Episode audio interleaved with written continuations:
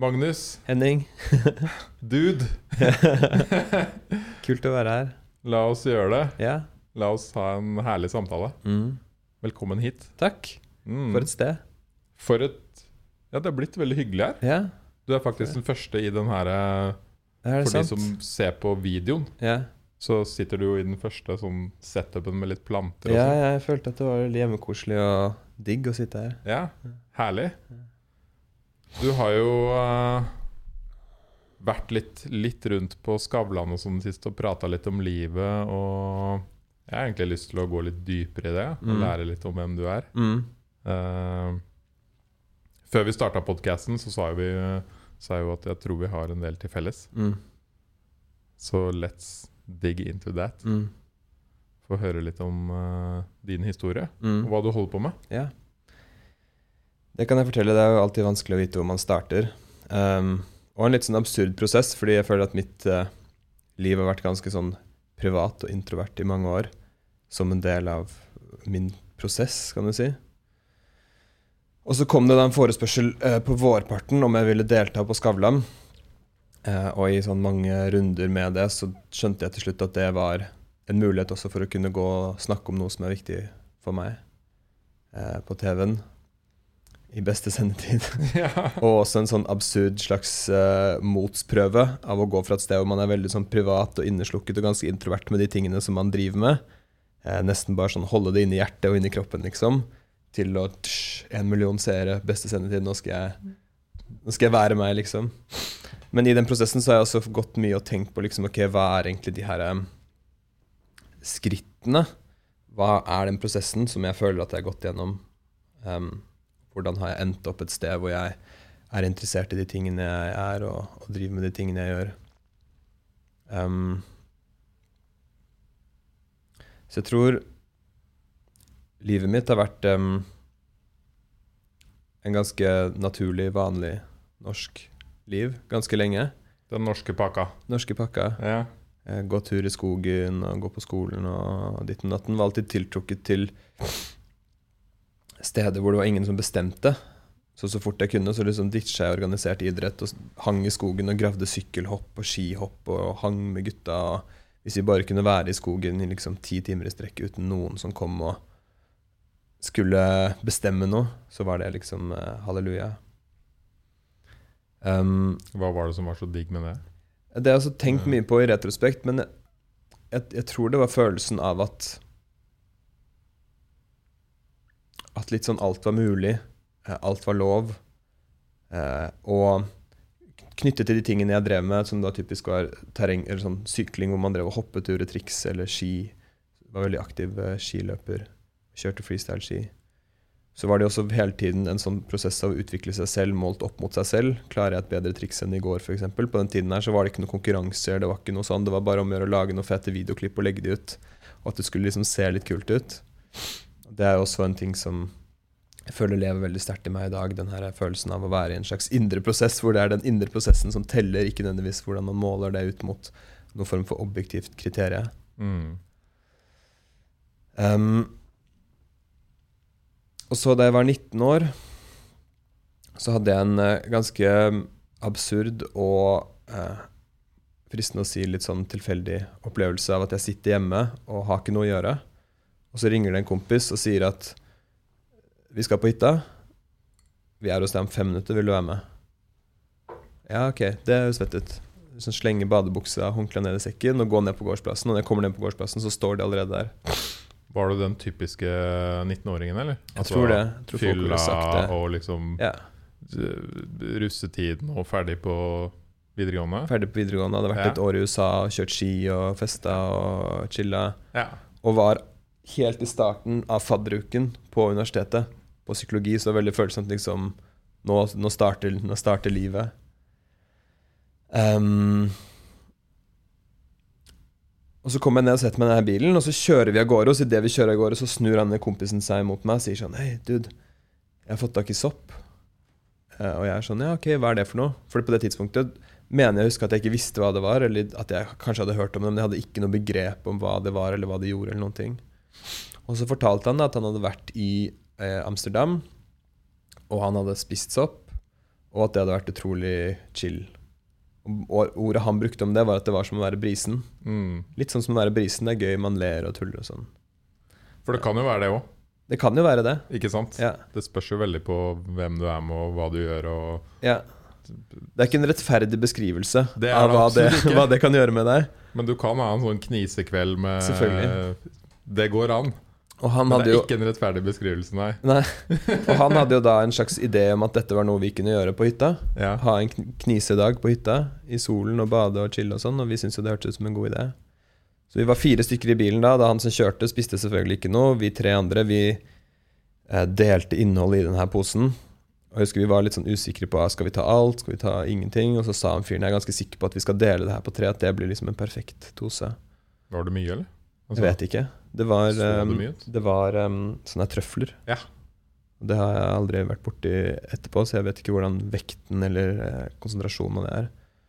Men jeg husker at det føltes ut så mye i munnen å Ja. spise det at du måtte tygge det og svelge det, og det var flere biter, og det var liksom um, En slags sånn uskyld over det, som jo kan være litt uh, skummel. Det var noe som han Skavlan tok opp også, at det her er foreldrenes mareritt. At barnet ditt skal komme bort et sted hvor det er noen som har en pose og sier at hei, se hva jeg har, skal vi teste det her, liksom. Vet ikke hvor mye det er, men jeg tror det funker å dele på tre. Men det var også en sånn herlig uskyld med tre 19-åringer som bare liksom var åpne til livet og nysgjerrige. Og det kunne jo vært noe verre. Det kunne vært noe verre. Um, og selvfølgelig, når Jeg jeg, er glad for at den historien der på en måte ikke er en pose med speed eller noe Ja, ja. Og da ser jeg for meg at jeg hadde vært mer skeptisk òg. Ja. Det var et eller annet med den soppen som var veldig sånn Ok, her er det liksom knusktørr mysel. Det er ikke noe hvitt pulver, det er bare liksom en greie som skal gjøre deg brisen. Og så selvfølgelig, så når det her begynner å virke, da, så um, skjønner jeg jo veldig fort at det her ikke er å være brisen. Og jeg rekker å skjønne det før den delen av meg som skjønner sånne ting, også forsvinner, for å si det sånn. Um, I bilen. vi- vi sitter i bilen dit, på motorveien i kabriolet. Og det er sånne svære lastebiler som kjører forbi, og vi sitter i baksiden av kompisen min og vi sitter og ser på hverandre, og han har en gitar. Så sier han sånn 'Magnus, er den gitaren der knukket nå?' Så ser jeg bort på gitaren, så sier jeg nei. Så sier han sånn 'Jeg tror den er knukket'. Så sitter han og ser på den. Og vi, um, vi Det er ganske intenst for oss å sitte i den bilen. Han som har hytta, han har også spist opp og er ikke i stand til å forklare veien. Så han som kjører, må stoppe og finne kartet. Og sånn som jeg husker det, så må han frem med kartboken.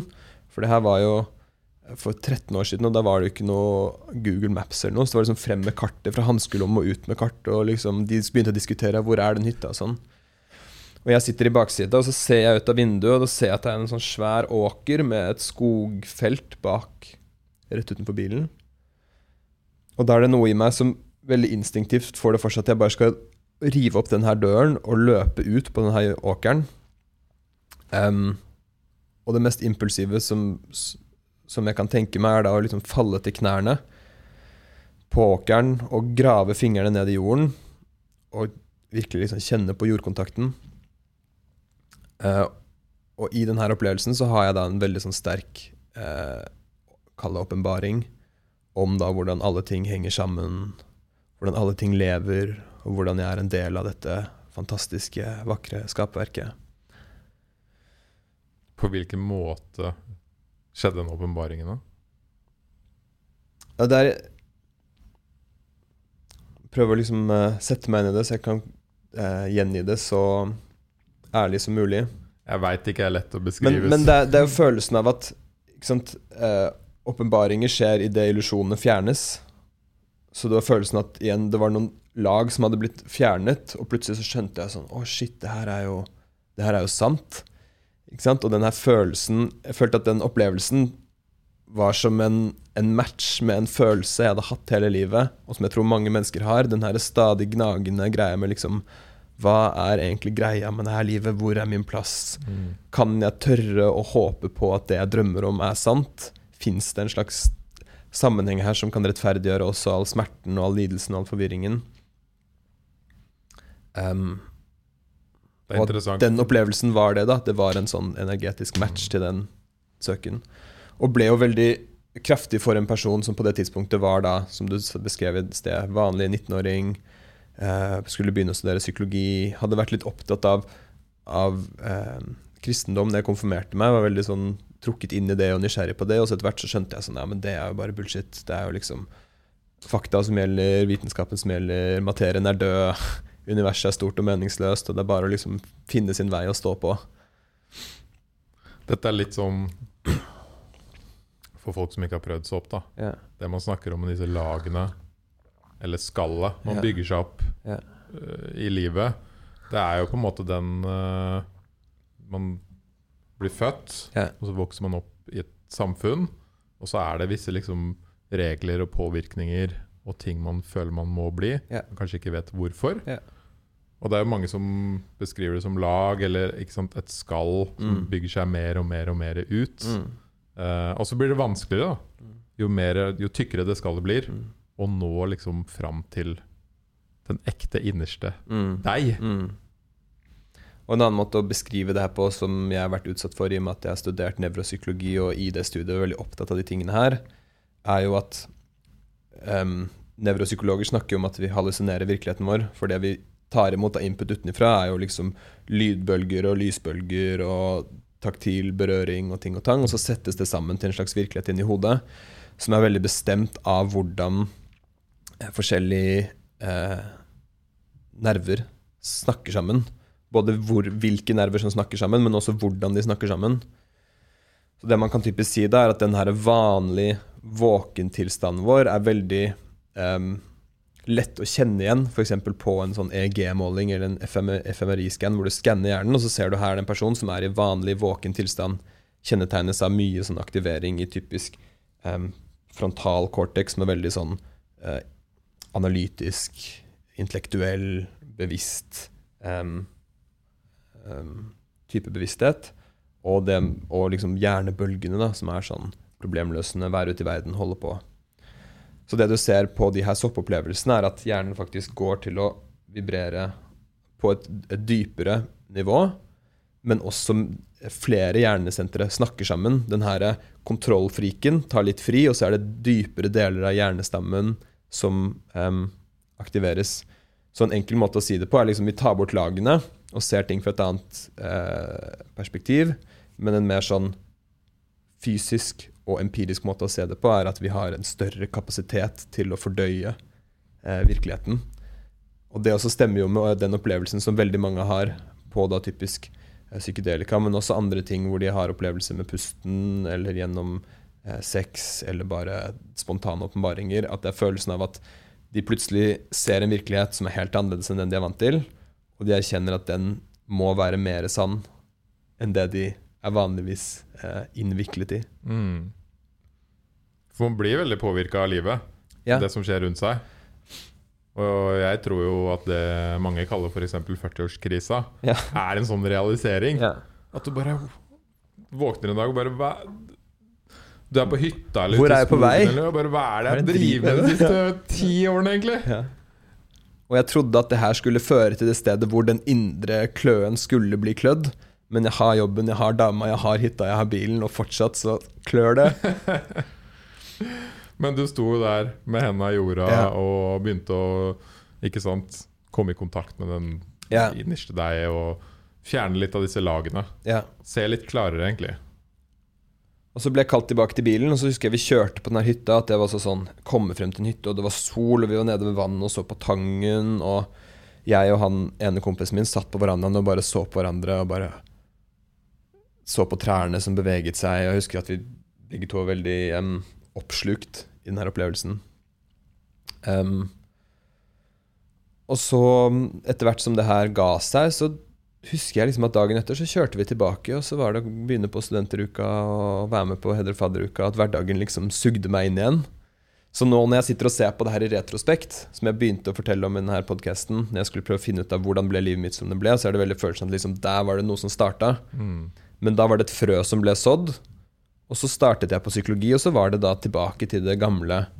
Eh, og det var egentlig bare når jeg var sammen med kompisen min at vi kunne liksom se på, se på hverandre når ingen dag. Bare det var drøyt, det som skjedde den dagen. Hva skjedde egentlig da? Og, og begynte med å liksom uh, filosofere mye sammen. da Prøve å bygge brikkene uh, sånn at denne opplevelsen ikke skulle bli en sånn separert del. Mm. sånn, det skjedde, og det er et stengt kapittel, men prøve å finne ut av hvordan kan jeg relatere meg til det gjennom, gjennom livet mitt, og hvordan kan jeg føle at det fortsatt er en del av denne hverdagen. Så kort fortalt så føler jeg at nå er jeg 31, det her skjedde da jeg var 19, og alt som har skjedd mellom det, har vært eh, et forsøk på å bygge bro mellom det vi opplever nå, og den her eh, tidløse tilstanden, eksistensielle g- grunnen, eh, og erkjennelsen om at eh, At vi hører hjemme. Fortsatte du å eksperimentere med psykedelika etter det, eller hvordan Nei, etter det så Så igjen så ble det liksom en, en, um, en opplevelse som bare forsvant inn i tørketrommelen, på en måte, av Mm. uh, sentrifugen. Um, og jeg starta da på psykologi. Flytta hjemmefra den samme uken, og jeg møtte kona mi, som jeg har vært sammen siden dagen etter. Dagen Så det føltes veldig ut som at liksom de dagene i august, det var sånn rundt 8. august, vil jeg tro. Så var det en sånn Nå skal han her fyren få liksom det ene og det andre som man kan få uh, Få noe å tygge på. Mm. Um, og så etter hvert som jeg studerte psykologi, så, så kom jeg da inn på liksom forskning på det her med mystiske opplevelser og åpenbaringer, og særlig da jeg fordypet meg i nevropsykologi, så uh, fant jeg plutselig masse studier på psykedelika. Både eldre ting og også de nyere tingene som har blitt gjort. Det her var igjen eh, for ti år siden, så det har blitt gjort veldig mye siden det, men det var helt starten av at egentlig den nye psykedeliske forskningen kom opp å stå både i USA og i England. Og det jeg ble interessert i, er da hvordan disse opplevelsene har så dramatisk positiv effekt i f.eks. Eh, psykiatrisk behandling. Eh, depresjon, avhengighet, engstelighet. Disse tingene her.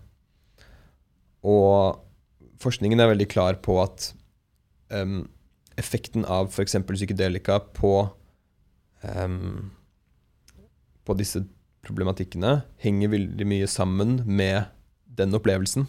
Mm. Så det er ikke bare en psykofarmakologisk greie hvor det er liksom dette eh, molekylet binder seg til denne reseptoren, og derfor er det ikke deprimert mer. Det er mer den her åpenbaringen og erkjennelsen av at ok, jeg er mer enn jeg trodde jeg var, og jeg kan mer enn jeg tror jeg kan. Og denne depresjonen kan ses i et annet lys, eh, og det gir en ekstremt stor helbredende effekt. Jeg hadde jo han som driver med ketaminbehandling i yeah. Oslo, på podkasten. Yeah. Og også har hørt flere som har sagt det samme. Men de som får mest ut av psykedelika, yeah. sånn når vi snakker om helbredende Altså å gjøre det f.eks. For, for traumer eller for å helbrede noe som har skjedd i livet, det er de som har fått en mystisk opplevelse Mm. som er ganske uforklarlig. Ja. De har best effekt. Ikke sant? Det er interessant. Ja. De klarer liksom ikke å forklare hva som skjedde. Nei. Det var utenfor vanlig liksom vårt, vårt vanlige språk og vår vanlige forståelse av livet og verden. Ja. Det ga en god effekt. Og jeg tror det var litt Det som skjedde med også mot slutten av mitt studie, var at jeg Jeg som alle mennesker var jo fortsatt på jakt etter å få tilfredsstilt den der kløen.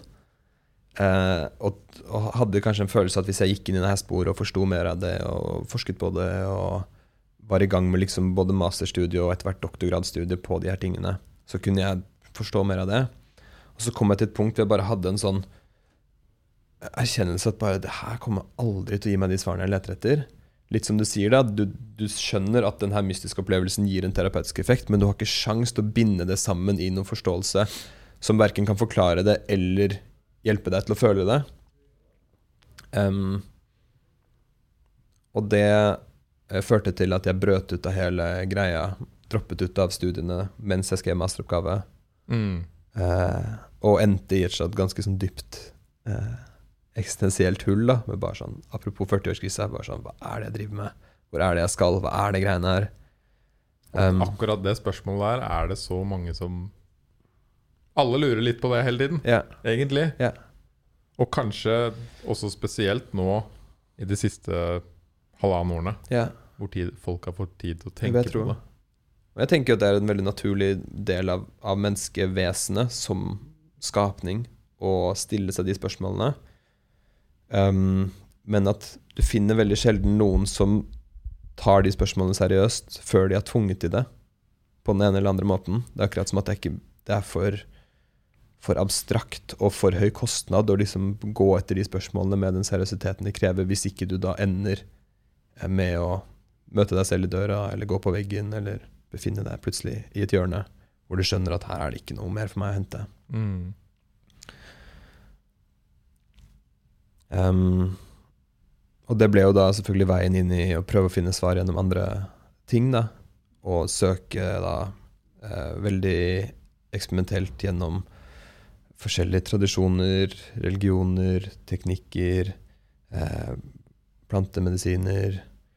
Um, Hva slags type Fortell om noen av de tingene du utforska.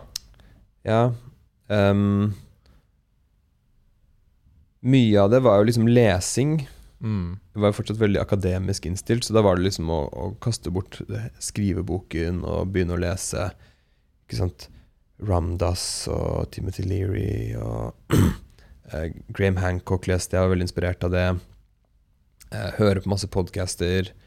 Eh, ble introdusert til folk som drev med liksom, eh, mantra-chanting. Ble med på det, begynte å meditere litt. Eh, gjorde yoga. Veldig sånn det ene og det andre. Um, og, så, og så kom jeg da i kontakt med folk som holdt på med plantemedisiner eller psykedelika på mer kan du si, seriøst nivå enn det jeg gjorde da jeg var 19. Mm. Uh, og ble invitert med på, uh, på det i mer sånn seremonielle settinger. Som også da ble en slags katalysator for å gå dypere da, i denne prosessen. Um, og igjen, når jeg ser tilbake på det, så var det liksom På overflaten og på innsiden en ekstremt intens tid. Um, hvor igjen de her skallene, da, de bare liksom pilles bort til fordel for eh, ingenting på det tidspunktet. Det kan jo også være at man bare bygger seg opp et nytt skall. Ja, ikke sant? Ja, for jeg har jo sett og hatt mange forskjellige øh, bekjente og venner som har gått litt den stien du forteller om. Prøvd veldig mange sånne kan du si, litt annerledes, litt mer sånn spirituelle, litt øh, annerledes ting Mm. enn det vanlige livet. Ja. Uh, men egentlig bare blitt nesten mer forvirra av det. Ja. Ikke sant? Og det er jo en forvirrende, forvirrende ting. Jeg tror ingen kan gå inn i det her og, og søke klarhet. Det kommer liksom på andre siden av en lang og mørk tunnel. mm. Um, og det føler jeg er liksom min historie i et sånn nøtteskall. Og jeg føler at jo mer jeg drev med det, jo mer forvirra ble jeg. Jo mer disintegrert ble jeg. Jo mindre jorda ble jeg, til jeg til slutta um, ja, slutta på studiene. Og så begynte jeg å jobbe med mat, for jeg var veldig interessert i det også. Så jobba med det noen år, men så falt det også Men ble du forvirra av psykedelika, eller alle disse tingene du prøvde sammen? Altså Du sa meditasjon, ikke sant? pust, yoga, eh, podcaster Mm. Og psykedelika. Var det det Mm. Det som er forvirrende, er den her um, um, renseprosessen. Og alle de tingene var jo en katalysator for det, og jobbet jo sammen for å øke hastigheten på det. Jeg tror jeg har bare lyst til å si nå eh, at min forståelse av de her tingene er at Det er banalt å si at alle mennesker er forskjellige, og alle Yes. mennesker skal forskjellige ting i livet. Og når jeg forteller de tingene her, så er det absolutt ingen oppfordring til å gjøre det. Um, eller en validering av at det er liksom bra eller riktig. Det er en veldig ærlig fortelling om min historie, som stort sett er en ganske mørk og deprimert historie. Um, så disse menneskene Jeg kjenner jo også mennesker som har da prøvd litt, utforsket litt, og så går de tilbake til det de har gjort før. Og så når jeg møter dem, så er det akkurat som man ser at de har liksom De har også sett, og det er med å berike dem på en annen måte, litt i Mm. bakgrunnen. Men de også har et liv hvor de da kanskje er trukket mer mot, som jeg har vært veldig trukket ut av i lang periode, og bidrar mer inn i liksom samfunnet, relasjoner, eh, de fagfeltene de er flinke på eller interesserer seg i. Men for min del så tror jeg det var Alle disse tingene hadde en effekt, men sånn som det ser, føles ut i, i retrospekt, så var det en dypere slags sånn karmisk kontrakt om at bare her skal det renses for real, da. Og jeg var helt obsessed med bare em, Hva var det som skulle mer og mer og dypere og dypere. Ja. Og, nei, det var bare følelsen Følelsen av at her, em, her er det et arbeid som skal gjøres. Da. Det er et langt lerret som skal blekes. Så jeg veldig, kan være veldig ambisiøs når jeg går i gang med ting. Så all den ambisjonen jeg hadde hatt på liksom Jeg hadde hatt en, en pop-opp-restaurant som var blitt veldig populær. Jeg hadde det her studio som jeg også var veldig flink på. Hadde masse sånne ting som jeg drev med. Var en veldig ambisiøs person. Det føltes som alt det gikk inn. Konsentrerte seg i én tynn og sterk laserstråle på at bare nå er det det indre arbeidet som skal skje. Um, og igjen Som jeg tror mange kan føle seg igjen i, også um, som er i den her um, Kall det oppvåkningsprosessen, kall det spirituelle prosessen, selvutviklingsprosessen, uh, selvransakelsesprosessen. så er det også følelsen at det ligger noe og drar deg. Det er liksom Det er ikke bare din egen eh, vilje, so to speak. Det er ikke en eh, Det er ikke nødvendigvis en eh, En liksom entitet eller noen som, som bestemmer det for deg, men det er følelsen at her ligger jeg i en og flyter i en elv hvor jeg ikke helt kan eh, velge å gå ut. Og tar jeg tak i et av sivene og prøver å holde meg fast, så kommer jeg til å knekke armen. Mm. Jeg kommer ikke til å klare å stoppe den flyten. Det her er en prosess som er satt i gang. Eh, og da jeg visste at den skulle gå i gang, så visste jeg ikke at det var sånn her skulle bli, men nå er det i gang, så da er det nesten bare å fortsette. Men var det For å prøve å forstå det på en litt annen måte Var du misfornøyd med livet? Nei. Nei. Jeg, følte, jeg, jeg, jeg, Det trodde, jeg trodde i hvert fall ikke det. Nei. Men det var igjen følelsen at det her livet kommer ikke til å gi meg det jeg vil ha. Nei. Så Um, og det som jeg kan kjenne at ligger der et sted i meg, som jeg ikke får helt tak på, det skal jeg ha. Det bare må eh, skje. mm. Eh, og selvfølgelig mange stadier underveis hvor jeg har liksom sett tilbake og tenkt at å, jeg er glad for at jeg ikke driver med det lenger nå, eller det var destruktivt, eller Men føler også at det har vært en veldig eh, naturlig utfoldelse. Mm. Nice. Hvilke av de tingene du prøvde, følte du funka bra? For hva? Ja, for denne prosessen Ja. og den uh, renselsen, eller det å komme i kontakt med Ja. deg selv og Um, Altså, du nevnte jo meditasjon, yoga, pust. Det var en blanding av mange ting. Det å begynne å gjøre yoga gjorde veldig stort inntrykk på meg fordi at jeg skjønte at her er det eh, en vitenskap som har brukt kropp og pust for å komme til det stedet som jeg ønsker å komme til. Eh, Da jeg drev med plantemedisin, så husker jeg alltid at det var mind-blowing eh, og helt utrolig på mange måter, men at det var alltid en sånn liten misfornøyd med at er det ikke mulig å liksom få til det her med det jeg har mottatt av naturen? Eh, og ikke så mye for at det er feil å bruke plantemedisin, eller noe, det var mer en sånn nysgjerrighet på liksom, er det mulig? Så jeg husker det jeg kom i kontakt med yoga, og selvfølgelig da folk som underviser yoga på en genuin måte, ikke bare eh, fysiske bevegelser. Så var det en sånn fascinasjon at wow, her er det en tradisjon som driver med det. Og så var jo selvfølgelig også plantemedisinen eh, en stor eh, faktor her, da. Eh, og noen av de opplevelsene jeg hadde, særlig da i settinger med mennesker som hadde eh, ikke sant, studert det her i mange tiår, drevet med det, var superflinke til å, til å fasilitere en kontekst hvor det her gjøres på en trygg og ansvarlig og effektiv måte, hadde veldig stor innvirkning på meg. Um, på godt, men også en del på vondt, i den forstand at jeg følte at jeg ble mer og mer forvirra, og at det her gapet mellom den hverdagslige virkeligheten og den her transcendente virkeligheten ble litt større og større, og vanskeligere og vanskeligere å se for seg hvordan man skulle bygge bro. Ja, fordi fakta er jo at vi er jo et menneske som lever på jorda her. Ja. I et samfunn, i et liv, Ja. som vi må klare å leve i. Ja. Det er det jeg også på en måte ofte konkluderer i, eller har tenkt etter psykedelika. at man. Sånn, wow, Ja. det der var drøyt. Jeg hadde en helt vill og fantastisk opplevelse. Ja.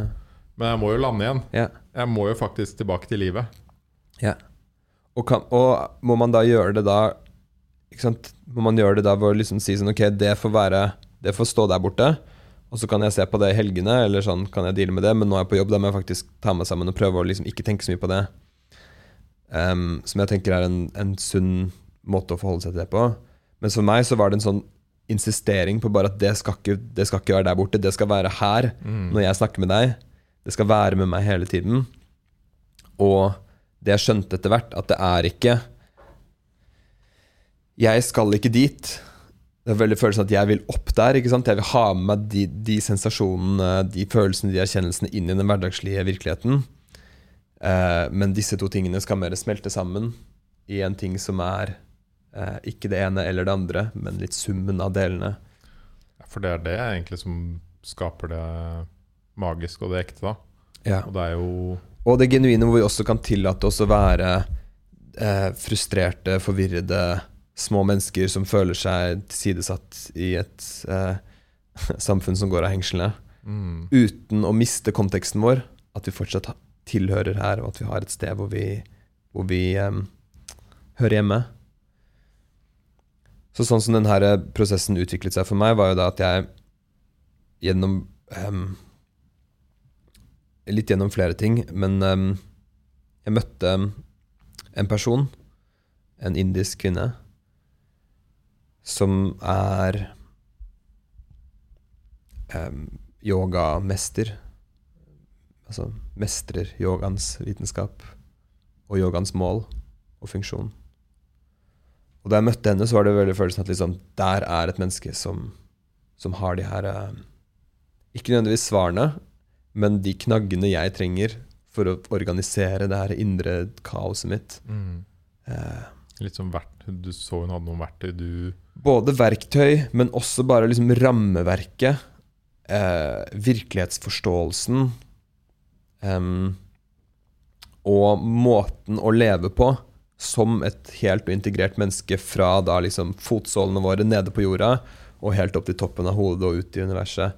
Og at alle de her nivåene av oss selv, alle de forskjellige modalitetene, um, kunne få lov til å være som de var, uh, men smeltet sammen uh, i en funksjonell uh, kropp, da, kan du si. mm. Som kan dra på noe sånt som det her, eller være på foreldremøte uten at det er bare overveldende.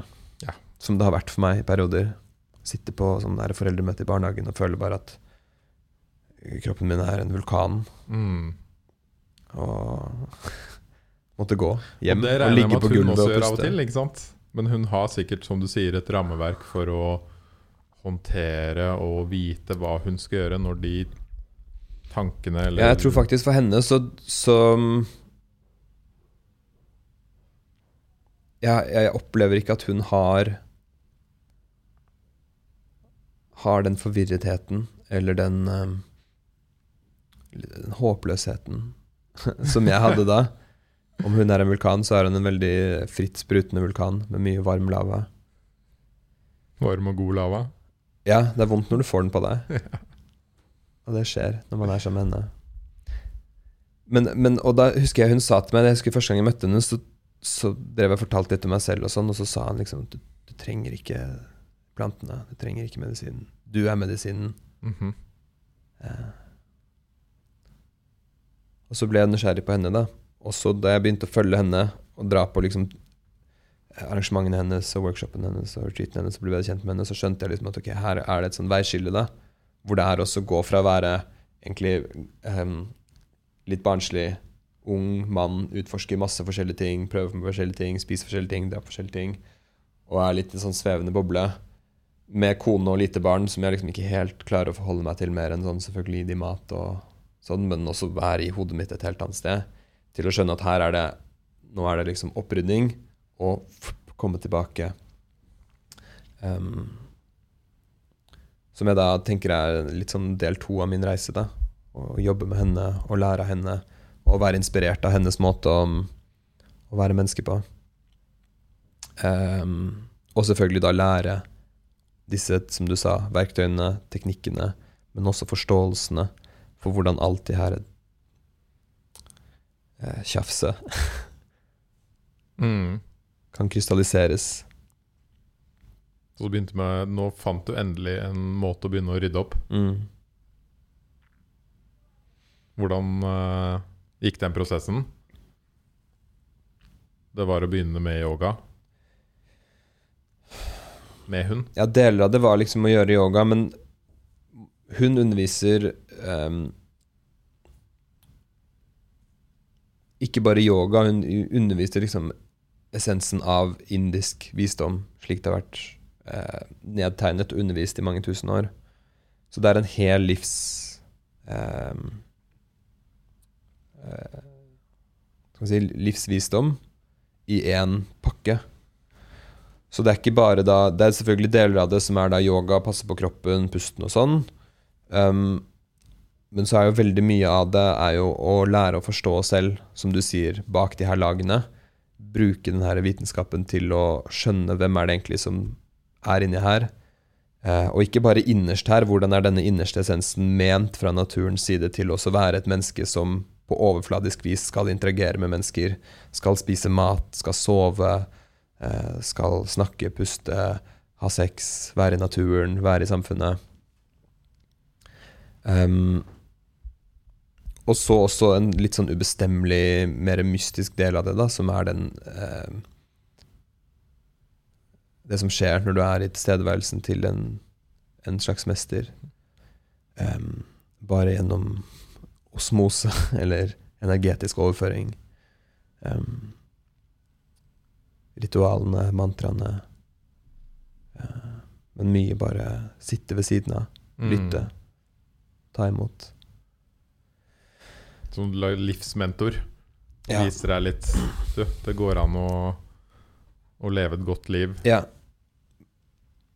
Men også noe annet enn mentor, fordi vi har et emosjonelt bånd. Um, og et energetisk bånd som Som går mye bredere enn en sånn type kategori. Vi har egentlig ikke noe forståelse for det lenger i vestlig kontekst, i vestlig kultur. Det indiske ordet for det er jo guru, um, men det har jo sluttet å bety det det skal bety. Det har blitt ødelagt, Ja, rett og slett. og, og kanskje med god grunn. Um,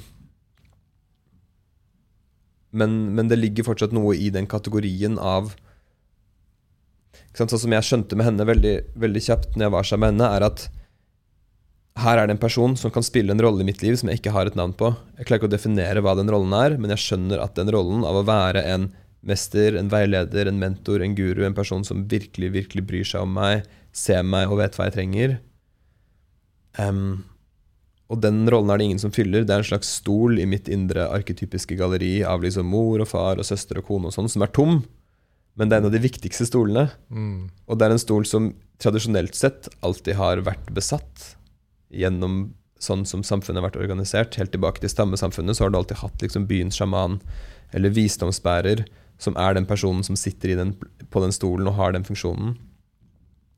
Så jeg husker veldig godt at jeg var på, var på en samling med henne hvor jeg skjønte sånn Ok, jeg vet ikke hva jeg skal kalle deg, men jeg skjønner at jeg må plassere deg der for at vi skal være i den relasjonen som er mest fruktbar for at jeg skal eh, vokse og gro. Um, og sånn det utspiller seg, er jo litt at det kan være det det trenger å være. Og det kan være alt, alt under den paraplyen. Um, men det er ekstremt effektivt for vekst. da. Åndelig, fysisk, emosjonell, Mm. menneskelig vekst. På en veldig sunn og integrert måte fordi de indiske vitenskapene forstår så dypt menneskets vesen. Som jo har vært min liksom, søken hele veien fra psykologi. Prøve å forstå mennesket, forstå hodet, forstå følelsene. Og jeg droppet det ut derfra, for jeg skjønte at de her skjønner jo ikke det jeg har lyst til å vite. Og så da jeg møtte henne, så er det sånn Her er det en person som skjønner det jeg trenger å vite. Eh, og det er nedfelt da, i de her vitenskapene. Og ofte Mm. veldig grovt eh, misbrukt, misforstått. Og de er mange tusen år gamle. Ja, de er nedtegnet i de første tekstene som Yes. vi har i, på jorden.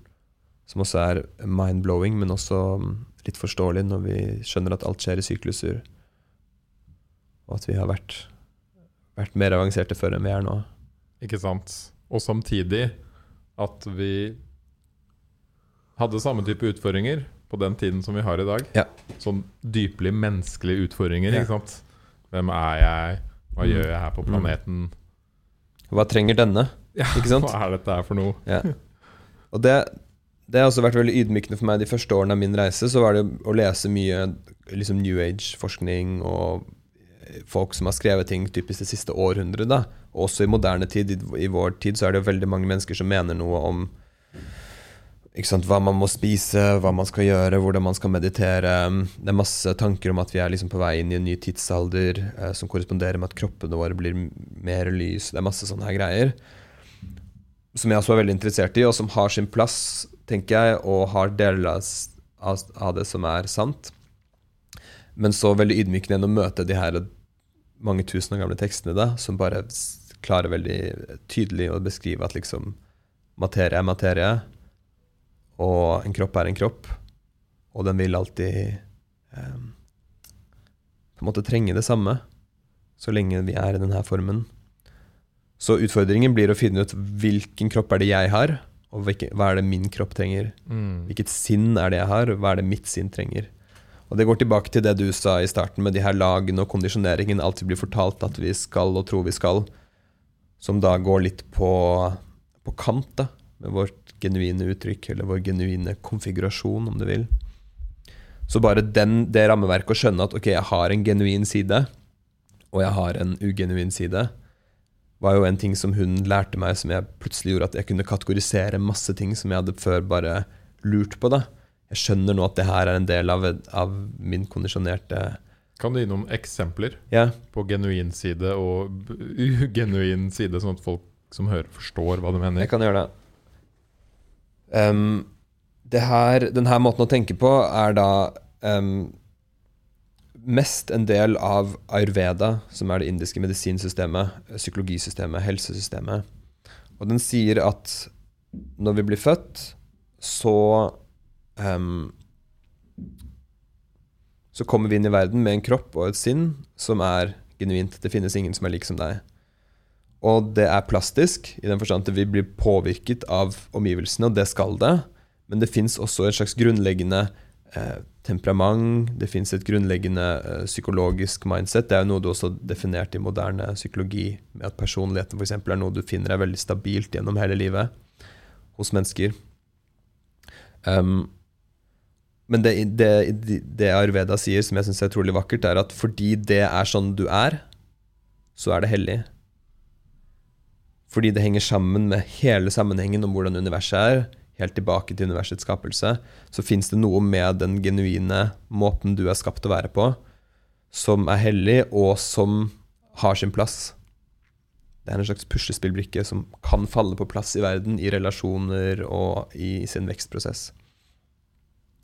Et eksempel på det er f.eks. Um, vårt grad, vår grad av temperament og uh, liksom aggresjon eller sinne. Eh, Sinne som følelse, eh, men også sinne som en måte kroppen og mennesket kan bevege seg gjennom livet på, og bruke sinne som en termostat på hva den skal, hva den ikke skal, hva som er riktig, hva som er galt, hva som er rettferdig, hva som er eh, urettferdig, disse tingene her. Eh, og du ser gjerne ofte at mennesker som har mye av det her sinneegenskapen, også har mye lidenskap, passion, Mm. til, å, til å skape noe, til å gjøre en forskjell. Så når vi er barn, så blir vi ofte fortalt at vi skal sitte ned og være stille og ikke være sinte. Og sinne blir ofte straffet. Og for barn som igjen er plastiske og kommer inn i verden og prøver å finne et sted og en plass hvor de kan overleve, så blir jo da naturlig og adaptivt å liksom finne en måte å legge lokk på det her sinnet på. Um, og skape seg en slags identitet. At det her sinnet er ikke Hører ikke hjemme. Det er liksom feil eller galt eller Og det her er en eksempel da på at man starter å skape seg en forståelse av hvem man er, men også en, en slags vesen som er på kant med vår genuinitet. Så dypt nede i oss. Og det har jeg sett i mitt arbeid hvor jeg jobber med pusting med mennesker, og særlig med kvinner, som jeg tror i enda større grad enn en menn, altså jenter, får beskjed om at liksom sinne ikke er, ikke er greit. da, Du skal sitte nede og være søt og snill. Um, at de har en sånn enorm kraft inni seg, og så lever de ut et liv hvor den kraften bare ikke har sin plass. Fordi at de lever i en slags sånn kondisjonert eh, versjon av seg selv, Mm. som ikke er den genuine delen av seg selv. Og forskjellen her er at den genuine delen av oss selv, den er liksom nedfelt i cellene våre. Den er nedfelt i måten kroppen um, liksom sirkulerer energi på. Um, vi er designet for å, for å utfolde oss etter den uh, genuiniteten vår.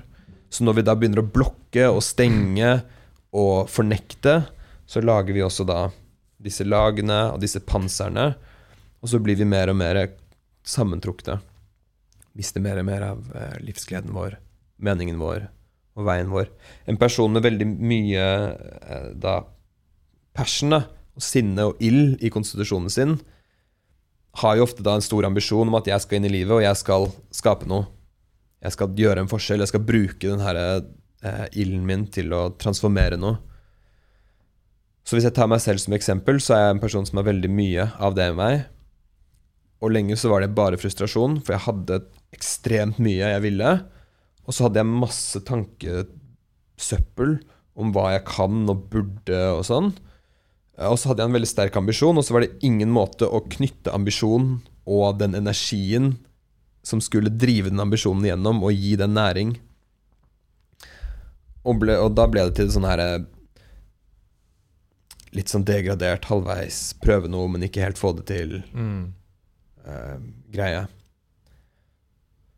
Som jeg også da har sett i mange mennesker som jeg jobber med, da. Som har den her splitten mellom at liksom De vet at de vil noe, og så har de masse ressurser. Eh, men det er ikke en tillatelse til at de to kan snakke sammen, fordi mellom ligger det her ugenuine, eh, kondisjonerte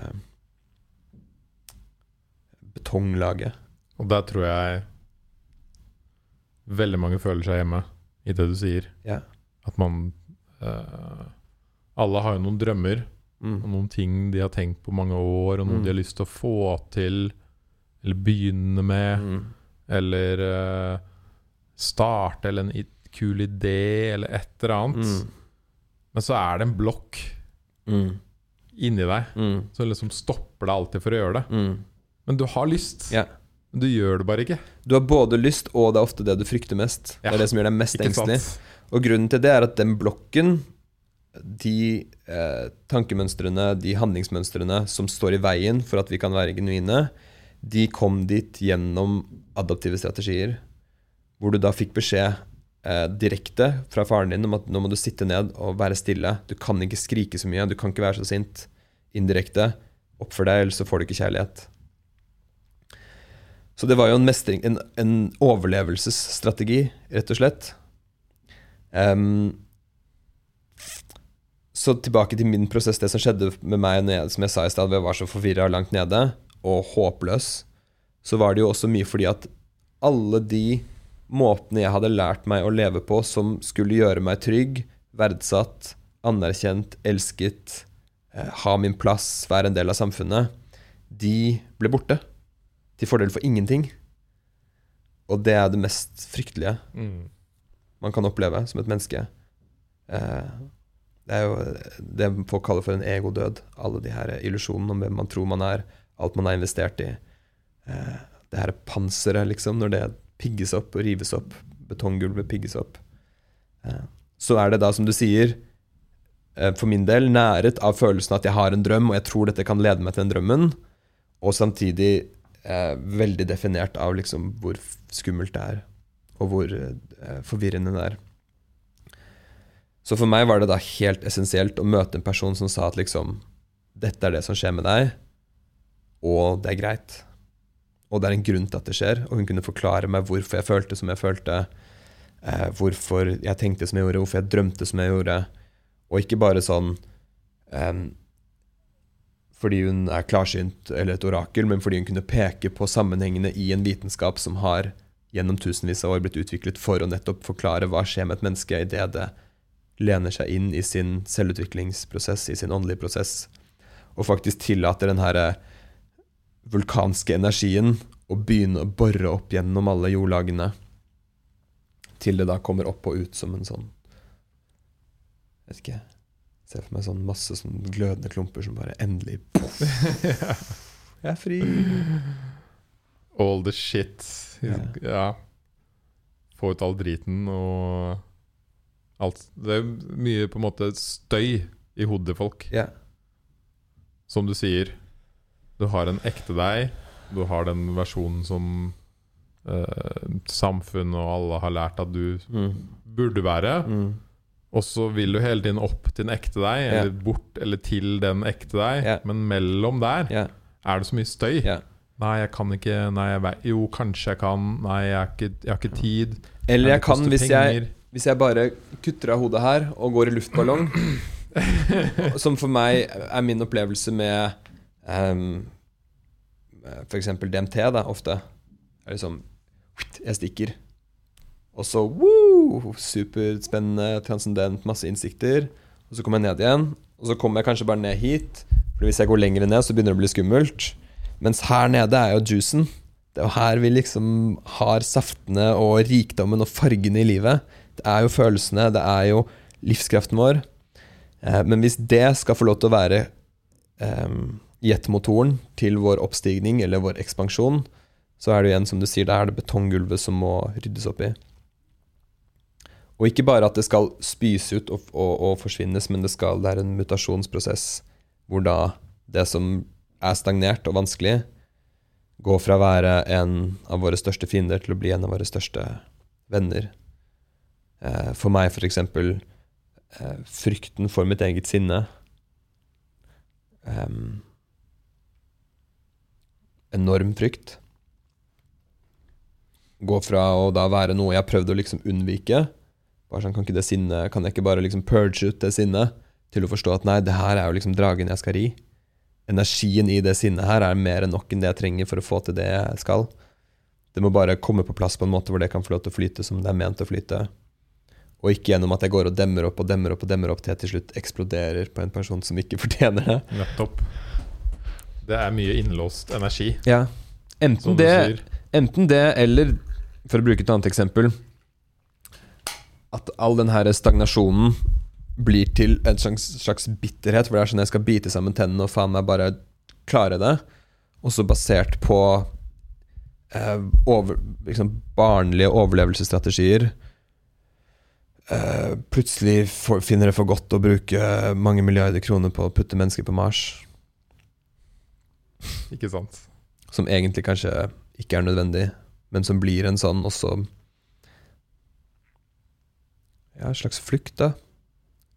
Et slags uh, ugenuint drevet um, Ja, prosjekt. Mm. Vi kan godt snakke om Elon Musk etterpå, Som ikke men har- spar den litt. Ja, men for å si som ikke har Som ikke til syvende og sist har livets rett, fordi det ikke er et uttrykk for en genuin flyt av, mm. av intensjon og energi. em, som kanskje bringer hele det her ranten sammen for min del, da, for å ta det tilbake til hva jeg opplevde. At jeg opplevde også når jeg skjønte det, at jeg har en slags genuint uttrykk her som er hellig og helt fantastisk, liksom. Um, men ikke bare det, det henger sammen med alt annet. Det har sin sammenheng i dette universet, fordi den er en del av det. Det er ikke bare et sånt tankeprosjekt eller eh, masse maladaptive overlevelsesstrategier. Det er universet som virker gjennom meg, gjennom hvordan jeg er skapt. Så er det også følelsen av at det er en mye større tillit til at de tingene jeg tiltrekkes til å drive med og gjøre, um, er bra, da. Og ikke liksom eh, bra etter en eller annen standard eller moral eller etikk eller et eller annet igjen man har sett for seg og blitt enige om at dette er bra og dette er dårlig, men det er sånn det er bra fordi det er genuint. Mm. Hvilke forandringer gjorde du i livet ditt etter du møtte hun indiske Ja. Uma heter hun. Uma? Um, Hva var det hun faktisk fikk deg til å gjøre? mye av det hun gjør med folk, er jo å pigge opp. Ja, Så det er mye mentalt. Um, nei, ja, nei, det er ikke mye mentalt. Fordi hun skjønner at mentaliteten er et lite, tynt lag på toppen av en vulkan. Eh, så hvis vi snakker for mye og driver for mye med psykologi, så ender vi opp med å Vi kan liksom forstå mer, men det er veldig vanskelig å gjøre dype endringer i kroppen vår. I underbevisstheten vår, i reptilhjernen vår, ikke sant? Eh, så du må la den her lavaen begynne å penetrere nedenifra og opp og rense opp inni seg. Så det, det mer er da, er da typisk bevegelse. Yoga er jo en vitenskap som er laget for dette i utgangspunktet. Eh, mantra og seremoni. Eh, med da eh, Holdt jeg på å si edru seremoni. Mm. Men du ender jo opp med å være superrusa på dine egne kjemikalier. Um, og det er en slags universell prosess som jeg tror mange begynner å skjønne mer av nå, og det er veldig tydelig også tegn i den, norsk, inn, i den alternative scenen i Oslo at folk skjønner mer at det er i kroppen det skjer. Vi er ferdig med å snakke, liksom. Hvis vi skal ha endring, så må vi gå via kroppen. Um, For det du sier der, er, og det har jeg nevnt flere ganger på podkasten Jeg har jo hatt folk som har prøvd å tatt psykedelika, som har hjulpet dem mye. ja. Og så har jeg hatt folk som uh, har vært på ti dagers meditasjon, Mm. fått samme effekt. Mm. Og så har jeg hatt folk som har vært på pusteretreat Mm. og fått akkurat samme effekt. Ja. Og dette er jo alle verktøy som, som du sier, aktiverer de samme prosessene og tingene i kroppen. Forskjellen, forskjellen er at vipassana, meditasjonsretreat og pusting lærer kroppen å gjøre det selv. Yes. Eh, som var det jeg mangla med plantemedisin. At det var sånn hvor, lenge, hvor mange ganger skal jeg dra tilbake og gjøre det her før det er stabilt? Mm. Og så skjønner man ganske fort at det er ikke, det er ikke en mulighet. Og igjen, jeg vil si det er absolutt helt valid å, å velge det. Um, og jeg vet om mange som driver med det som jeg tenker at driver med det på kjempefine måter og har i, i sin livsvei og sånn som de er skrudd sammen, um, så er det naturlig for dem å drive med det. Men for meg så ble det veldig følelsen at liksom hvordan, Jeg har nok ressurser. Jeg må bare finne ut av hvordan jeg skal alkymisere det greiene her. Og så kan du si at det er også en del som trenger den ordentlige sparken i ræva med Ja. plantemedisin. Ja. For å få liksom Du er så dypt nede i depresjon eller Ja. traumer eller angst eller noe at liksom Pust kan funke, men noen trenger faktisk plantemedisin for å liksom få en ekte spark ut av det. Og noen får det i fanget, og så er, har de fått et spark. Yes. Men det vil fortsatt være å ta, heliko liksom ta helikopter på toppen av fjellet, se på utsikten, ta helikopter ned igjen, og så stå nede og så se på fjellet og tenke ok, hvordan kommer jeg meg dit? skal jeg gå den stien, eller skal jeg kjøpe klippekort på helikopteret? Mm. Han som er uh, Oskar, som er plantemedisinterapeut, som har vært her flere ganger, Mm. han er jo veldig på det at Det er ikke Ikke sant uh, uh, Medisinen viser deg bare en liksom, åpne vinduet, så Mm. du kan se ut. Mm. Eller du kan se på toppen av fjellet. Mm. Men du må gå opp dit sjæl. Yeah. Du må faktisk gjøre jobben Mm. etterpå. Mm. Som veldig mange undervurderer. da yeah. Fordi det er veldig lett for folk å Og det er også, Man kan si det samme om yoga. ikke sant? Yeah. Det er veldig lett å gå på en, en ukes retreat i India. Mm.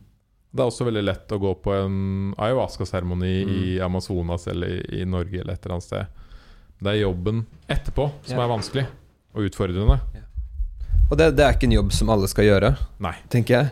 Det er, helt, det er mange som har fine opplevelser med å gjøre det, og, og liksom fòre livet sitt i uh, fjellsiden Mm. uh, med å gå på en retreat eller, eller eh, dra på en seremoni eller et eller annet. Ja, for Men for min del så var det bare sånn jeg skal finne ut av hva veien til toppen av det fjellet er. Ehm, eller hvor heisen er, eller jeg vet ikke hvordan man skal si det. Og erkjennelsen er jo selvfølgelig til slutt at man er jo hele fjellet allerede. mm. Hva var det hun sa? Du, du er selv medisinen? Mm. That's, that's the real truth. Mm. Akkurat der var det mye gift, da. Så det er også en del av det her gamle indiske mytologiske landskapet. Hvordan muterer du gift til nektar? Mm. Um, og enormt fascinerende. Så du spurte i stad hva som skjedde med meg i livet da jeg møtte henne. Hun sa at hennes, det hun gjør med folk flest, er jo å sparke folk i rumpa. Hun gjør ikke det. Eh, hun sitter ofte stille uten å ta på folk. Eller sånn. Men når folk er sammen med henne, så skjer det da at de plutselig får et spark i rumpa. Og de åpner vinduet litt, og så skjønner de at shit, nå er jeg Her er det noe for meg å ta tak i på den ene siden. Og på den andre siden, her er det enormt mye for meg å, å høste. Er det masse rikdom som jeg ikke eh, benytter meg av i livet mitt. Og så er det da gjennom hennes kunnskap om da ayurveda, mat, spising, kosthold, livsstil, yogaøvelser for liksom vanlig, funksjonell, ha en fin, deilig kropp som ikke er stressa. Yogaøvelser for mer å tillate og fasilitere den her oppvåkningsprosessen. Mantra, meditasjon, hele den pakken her. Mens for min del, så jeg hang jo allerede og dingla på toppen av fjellet som en sånn halvdød skinnfille. eh, så det som skjedde etter jeg møtte henne, var jo at hun, hun lærte meg da Hvordan er det yogiene har klart å um, utvide bevisstheten sin, oppgradere kroppen sin til å kunne være i det her kvantefeltet, og også fungere som far, eh, bror, sønn, jobbe på en butikk, gå på en butikk. Nettopp. Som vi snakka om. Ja, Faktisk leve i samfunnet. Ja. Og gjøre det med en følelse av at det også er berikende. For jeg tror min opplevelse med å ha igjen jobbet med, med, med folk i, i det her miljøet i mange år nå, er at det er veldig mange som kan det når de tar seg sammen. Men det er litt følelsen at liksom Jeg hører ikke hjemme her. Jeg kommer fra Narnia, liksom. Og jeg kan gå på butikken, men da må jeg dra- gå- dra hjem etterpå, så må jeg liksom Ja. rense litt, og så tenne noen lys, og så er jeg tilbake i spacet. Som for øvrig er helt nydelig hvis folk tenner lys når de kommer hjem, men poenget er at at hele denne verden, hver eneste del av den, er, er det et aspekt av den samme virkeligheten. Og alt har sin plass, og alt har sin rikdom. Så hvordan kan jeg bevege meg gjennom verden og oppleve det? ja, for det Eh, livet og, igjen og trekke næring av det. Så også på de mørkeste stedene eh, så fins det lys, da. For det livet der igjen høres også ganske slitsomt ut. Ja. Bare på en annen måte. Hvilket da? At du Du må liksom eh, Hvis du går i butikken og kommer hjem, så må du sette deg ned og puste Ja. og være helt sånn Uff, det Eller meg var- som ikke kan være på foreldremøte fordi at jeg Yes. får så vondt i hodet og blir så svimmel av, um, av det. Og, og mye av det handler jo om jording, ikke sant. Um, som også er et sånt begrep som blir brukt mye for tiden. Men i hvor stor grad vi trives i kroppen vår, og i hvor stor grad vi er venn med hele dette baklandet av emosjoner og eh, dypere energetiske impulser. Eh, som vi i utgangspunktet, tenker jeg, har blitt trent opp til å ikke leve med. Litt sånn ikke tenk på følelsene, bare la det her styre. Få deg en jobb og klippe håret ditt, som eh, Listhaug sier. Eh, Eller eventuelt, hvis du skal være åndelig, så dra av gårde, liksom. Eh, Meditere eller ta en plantereise. Eller. Og også mye av yoga har jo vært sånn. Mm. Hvor lenge kan du sitte sånn til du til slutt bare forlater kroppen din? Men igjen, som, som hun læreren min sier, da blir det litt sånn luftballong. Litt sånn å, Kan det bli litt lettere? Mens hun er mer på liksom Hvis vi slipper oss helt ned, så er det en trampoline nederst som er superspredt. Og da vil vi få all den kraften vi trenger ut, men vi vil ha med oss hele vesenet. Og vi vil ikke minst komme tilbake til noe som det er behagelig å lande ned igjen Mm. der hvor jeg er nå, jeg har ikke drevet med plantemedisiner på mange år. Um, og det er flere grunner til det, men det er også følelsen av at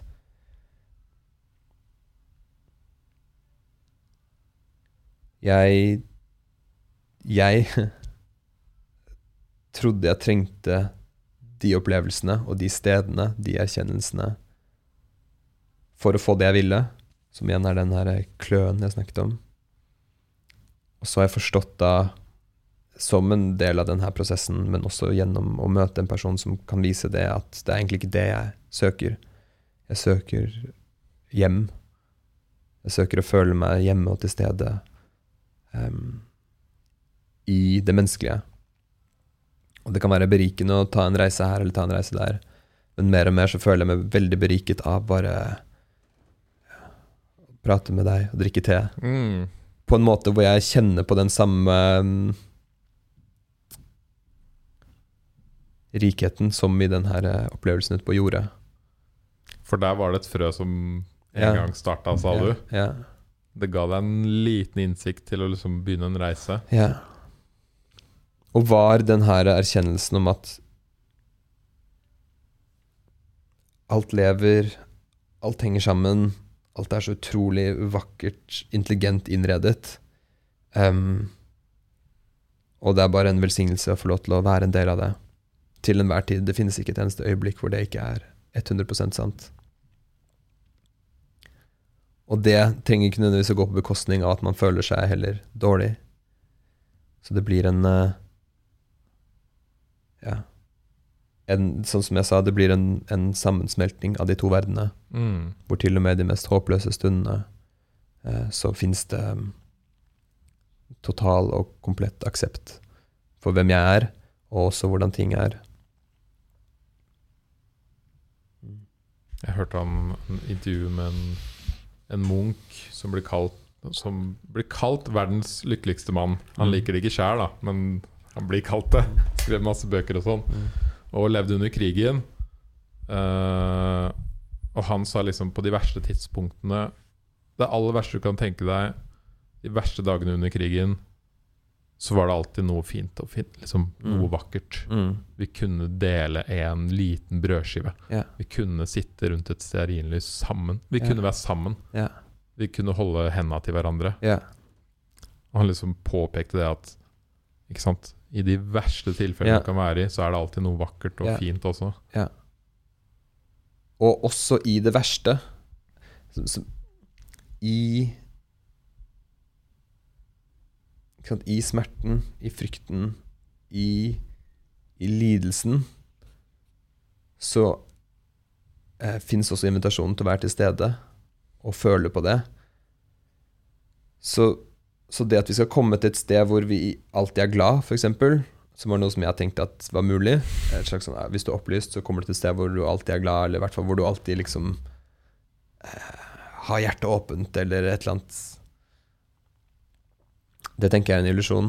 Det er en illusjon. Um, men du kan alltid være næret og um, føle deg plass å gjemme det.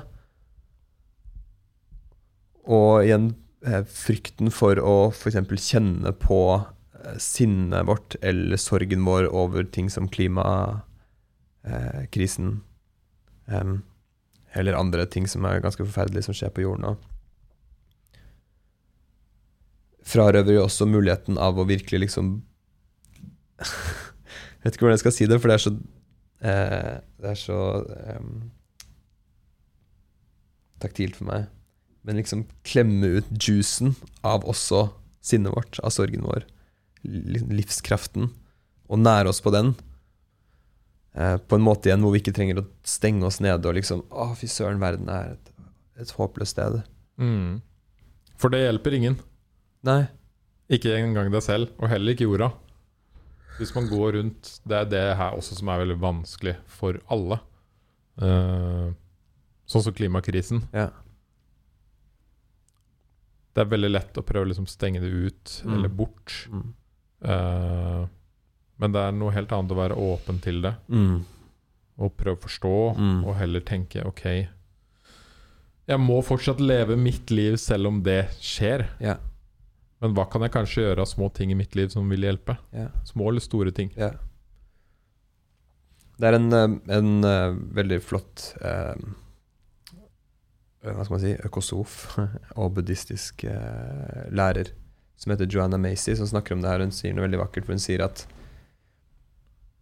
sant, sorgen vår og fortvilelsen vår over hva som skjer med naturen, den er bare der fordi at vi elsker den. Yes. Så hvis vi holder sorgen på avstand, så holder vi også kjærligheten vår for naturen borte. Og det er til syvende og sist kjærligheten vår for naturen som kommer til å redde den. Så med mindre vi klarer å liksom hoppe inn med begge beina og begge armene og hele hjertet vårt i å stå i den sorgen, men også liksom næres av eh, kjærligheten vår for naturen, eh, så kommer det aldri til å gro noe, noe løsning eller noe fred i, i liksom de enkelte menneskehjertene. Mm. Um, det tenker jeg er noe som man ser mye typisk i klimakrisen, at den er veldig disconnected fra et følelsesnivå. Den er blitt ekstremt analytisk og empirisk, og vi vet hvor mange tonn med is som smelter, og hvor mange pingviner som dør, og det ene og det andre. Men den dype, hjerteskjærende liksom ah, Igjen sinne, da. Den her energipakken vår som skal være det som skal drive de nye løsningene inn i verden, den får ikke være med. Og det som er urettferdig oppi alt det her, er jo at uh, media er veldig flink til å på en måte legge skylda på oss individer. Som liksom vanlige mennesker her på jorda som Mm. tusler rundt og må jo ha klær og ting og tang. Veldig fokus på det. Veldig lite fokus på industrien, som faktisk har de verste, Mm. aller verste Mm. utslippene. Mm. Sånn som den typiske historien om, om, som var for noen år siden at sant, det er sugerør overalt i sjøen. Mm. Det er ikke sugerør som vi liksom får fra en, en milkshake på McDonald's som er det verste problemet i sjøen. Mm. Det er 0,0001 sikkert. Mm. Industrien i sjøen Mm. er jo sikkert Mm. 80-90 ikke Mm. sant? Mm. Og historien og den, det narrativet man hører, Mm. er veldig ofte fokusert på oss Mm. Som individer, Mm. som gjør at vi får dårlig samvittighet Mm. og blir forvirra. Mm. Og liksom Ja, nei, jeg veit ikke. Hva, Mm. hva skal jeg gjøre? Ja. Ta toget istedenfor å fly til Bergen en gang, liksom. Mm. Så slå seg på brystet og si at man er klimaforkjemper. Yes. Jeg vet ikke, det er jo, Hele paradigmet er jo ødela, eller er jo gått i stykker for lenge siden. Um, og sånne ting som det der er jo liksom tegn på det.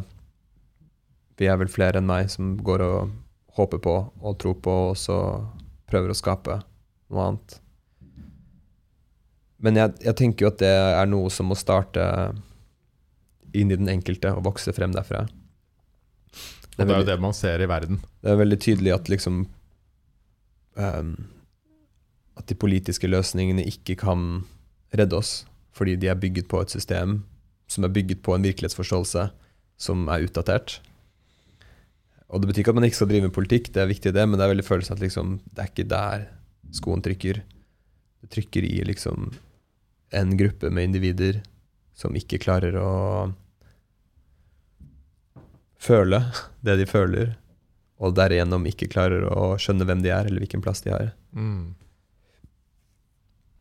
Så jeg tenk, tenker at vi står i et sånn eh, det, det viktigste for oss å gjøre som menneskelighet, er å liksom utvik- gjenerobre Nå, Ikke menneskelighet, for det, handler egentlig mest om vestlige samfunn. Det er mange steder de har det her. Men gjenerobre vår følelse av undring over verden. Og gjeninnsette den kollektive um, uh, nysgjerr- nysgjerrigheten på hvem vi er, hvor vi skal. Og jeg føler at religionene religionen har vist oss veldig at det går gærent når noen prøver å gi et svar på det, og si at dette er svaret. Men vi har kastet babyen ut med badevannet, og vi har kasta ut spørsmålene også. Spørsmålene må leve blant oss som veldig viktige og levende. Hvem er vi? Hvor skal vi? Hva er dette? Hvilken sammenheng er det vi står i? Og så tenker jeg at det å ha de spørsmålene som en del av vårt, vår kollektive virkelighet naturlig nok vil fòre løsninger og andre måter å se ting på. Som igjen kan bygge et nytt skolesystem, pressesystem, helsesystem, pengesystem. Listen er lang over systemer som trenger en seriøs oppdatering. Hvordan er samtalene rundt middagsbordet med familien når dere diskuterer det her? De er ganske gode, vil jeg si. Mm. Um, jeg regner med at du ikke um, refererer til meg og mine to barn på to og fem. Nei. ikke de to. Um, nei, det har vært mye gode samtaler rundt det. Um, jeg har liksom erkjent jeg, Når jeg var yngre, så var jeg veldig opptatt av politikk. Og så har jeg skjønt mer og mer de siste årene at jeg er egentlig ikke så interessert i politikk. Eh, Litt fordi at jeg har ikke det verdensbildet hvor det er en sånn superviktig greie å finne ut av. Erkjenner du at det er viktig på noen måte, eller hva tenker du om Jeg tenker at hvis vi tar bort politikken, så kollapser verden. Ikke sant? Så det er jo liksom Vi må jo holde ting gående. Og det er ekstremt viktig at noen legger sjelen sin inn i å finne ut av hvordan man skal fordele pengene, og, og passe på at ting liksom holder seg på skinner.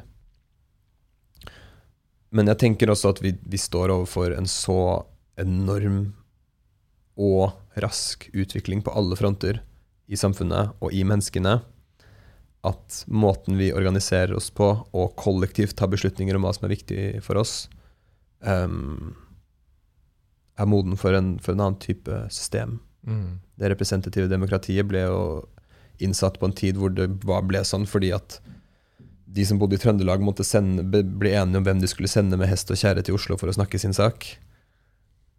Nå lever vi i en helt annen tid, og utfordringene er helt annerledes. Og igjen, du ser at det politiske systemet har ikke muligheten til å, til å gjøre de beslutningene den trenger, raskt nok for å følge etter utviklingen. Og det er ikke det politiske systemet sin feil, det er jo til syvende og sist folk sin konservativitet eh, som er problemet, for da kan jo alltids bare skifte ut noen. Um, og det tenker jeg litt den faren vi står i i det politiske landskapet nå med den nye regjeringen som kommer inn i Norge, er at det har en stor venstreside som har lyst til å pushe på for klimaet. Så har du da en slags sentrumsregjering, da, som det egentlig har blitt, som, som, vil det, og som vil på en måte ha med seg alle sammen. Og så har du også en sånn høyreblokk som jeg tenker at hvis man blir for progressive, sånn som jeg vet at mange som hører på den podkasten vil, så vil demokratiet funke sånn at neste valg så får Frp 20% av stemmene, og så vipper det over til den siden, og så blir det mm. fire år med det igjen. Og så blir det ping-pong, ping-pong, ping-pong. Ja. Um, så det er ikke der vi kan, uh, vi kan treffe de gode løsningene de langsiktige løsningene, og de løsningene som kan bære frem en verden som, som er bærekraftig, og som bygger på erkjennelsen om tings genuinitet, og ikke vår liksom kulturelle vrangforestilling. Hvordan føles det at faren din skal uh, på en måte være med å lede dette landet? Jeg um, har en, en, god følelse for hans del. Jeg er veldig glad for at det gikk sånn. Han er jo for meg veldig faren min. Ikke sant? Så det er veldig sånn han, det er noe han driver med som han er opptatt av, som han fikk til. Og da blir jo vi rundt veldig glad. Ja.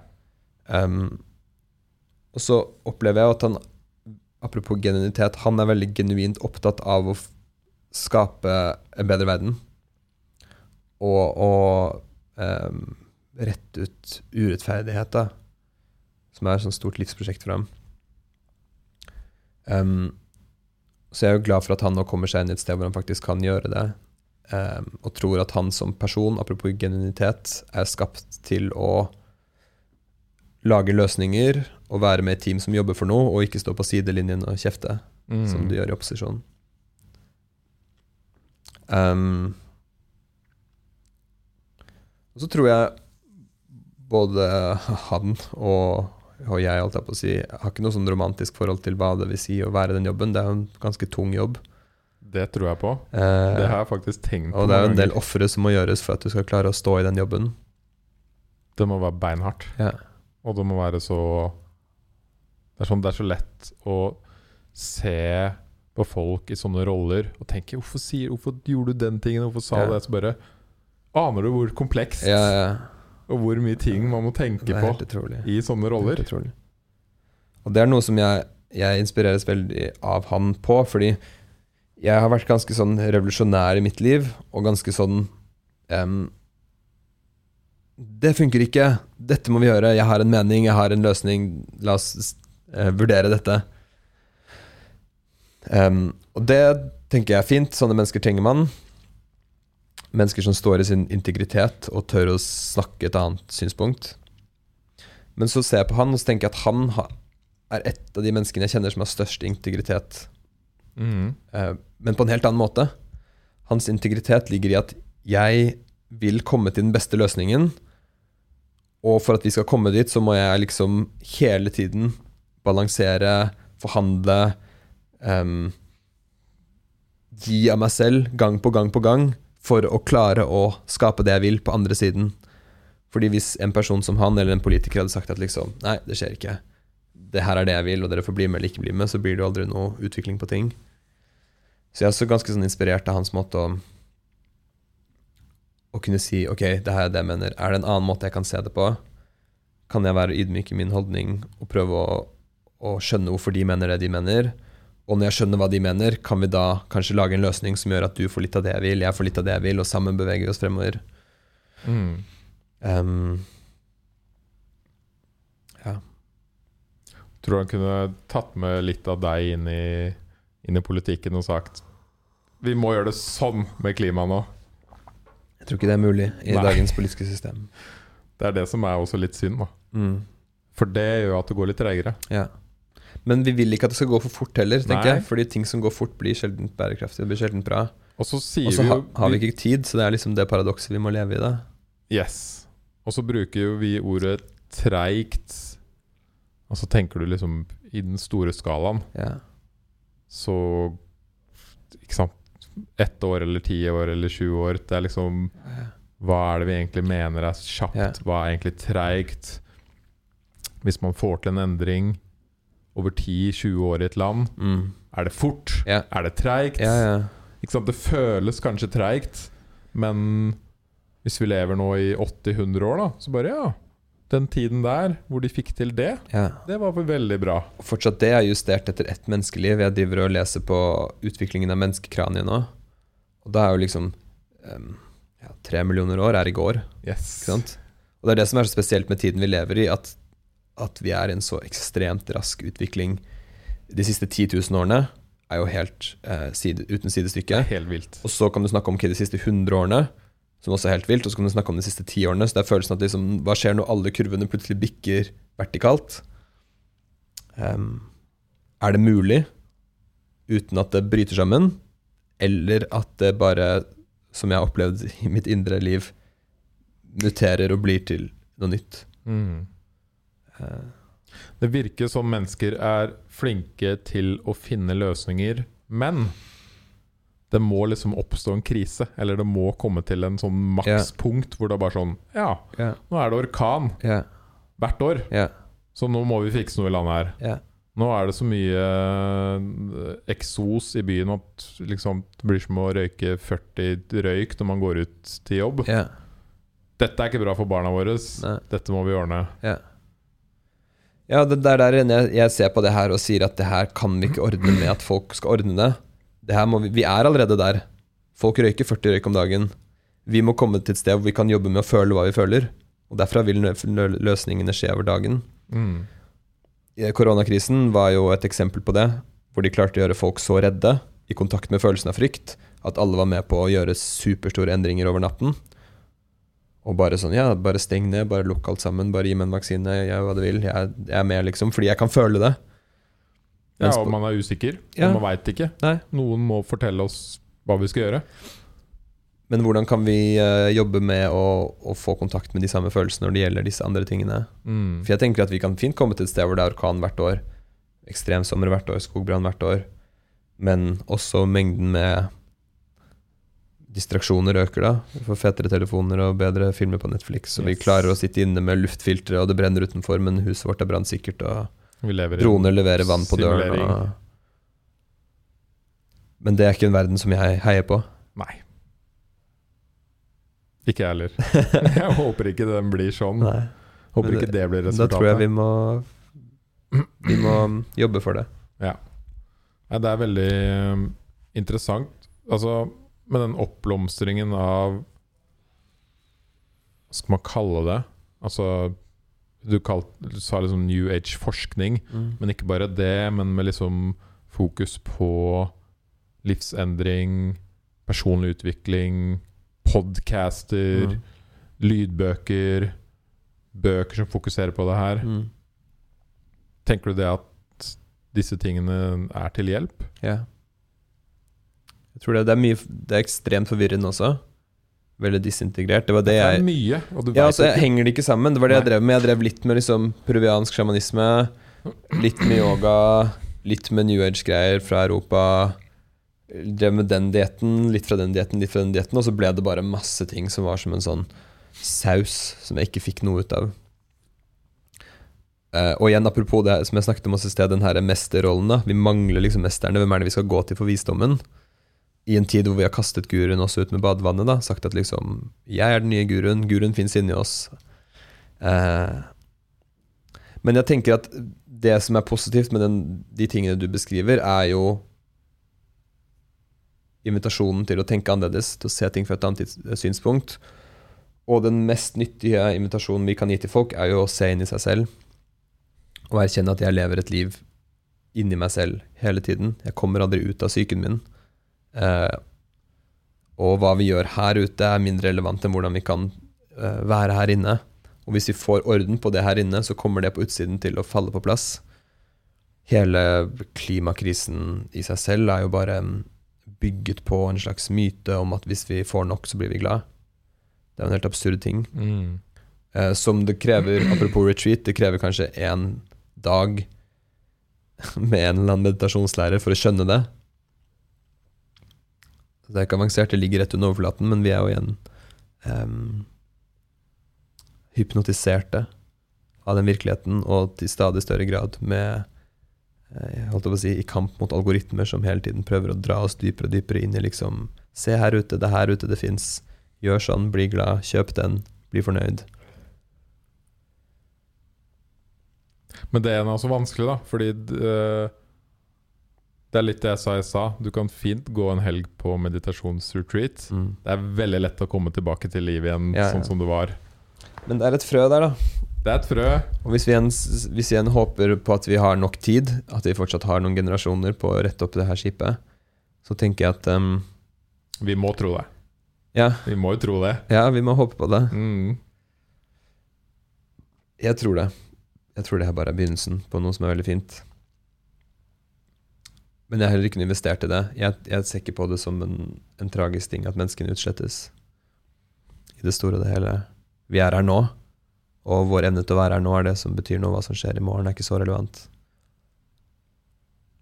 I hvert fall ikke noe å investere følelsene sine i.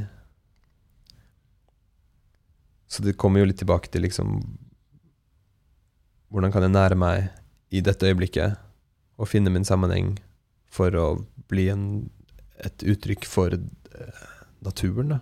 Naturlige prosesser.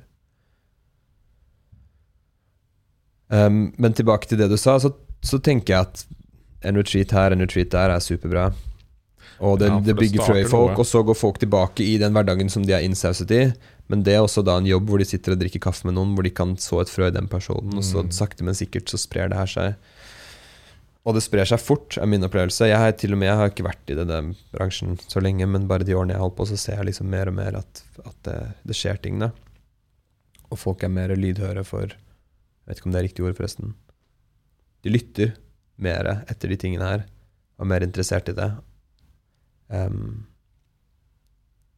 og opptatt av hvordan de skal um, leve, da, på dypere plan enn bare den her eh, jobben og statusen og Ja. bilen. Og igjen det jeg sa, covid fikk jo veldig mange Det er selvfølgelig veldig mye negativt med det, og mye negativt som skjedde, men én ting som veldig mange fikk kjenne på, er jo at man faktisk fikk en pause yeah. fra samfunnet. Yeah. Og tid til å tenke. Yeah. Man ble liksom tvunget inn i en meditasjon. En hjemmemeditasjon. Hvor det var sånn De første månedene så jo alle masse på nyheter og sånn, men sånn, nei. Ja. De fleste ble også ganske lei det. Det var bare det samme om og om igjen. Mm. Og ble sittende der og bare Plutselig dukka disse tankene vi om, har snakka om i dag, opp. Og sånn Hva gjør jeg i livet? Mm. Hvem er jeg egentlig? Mm.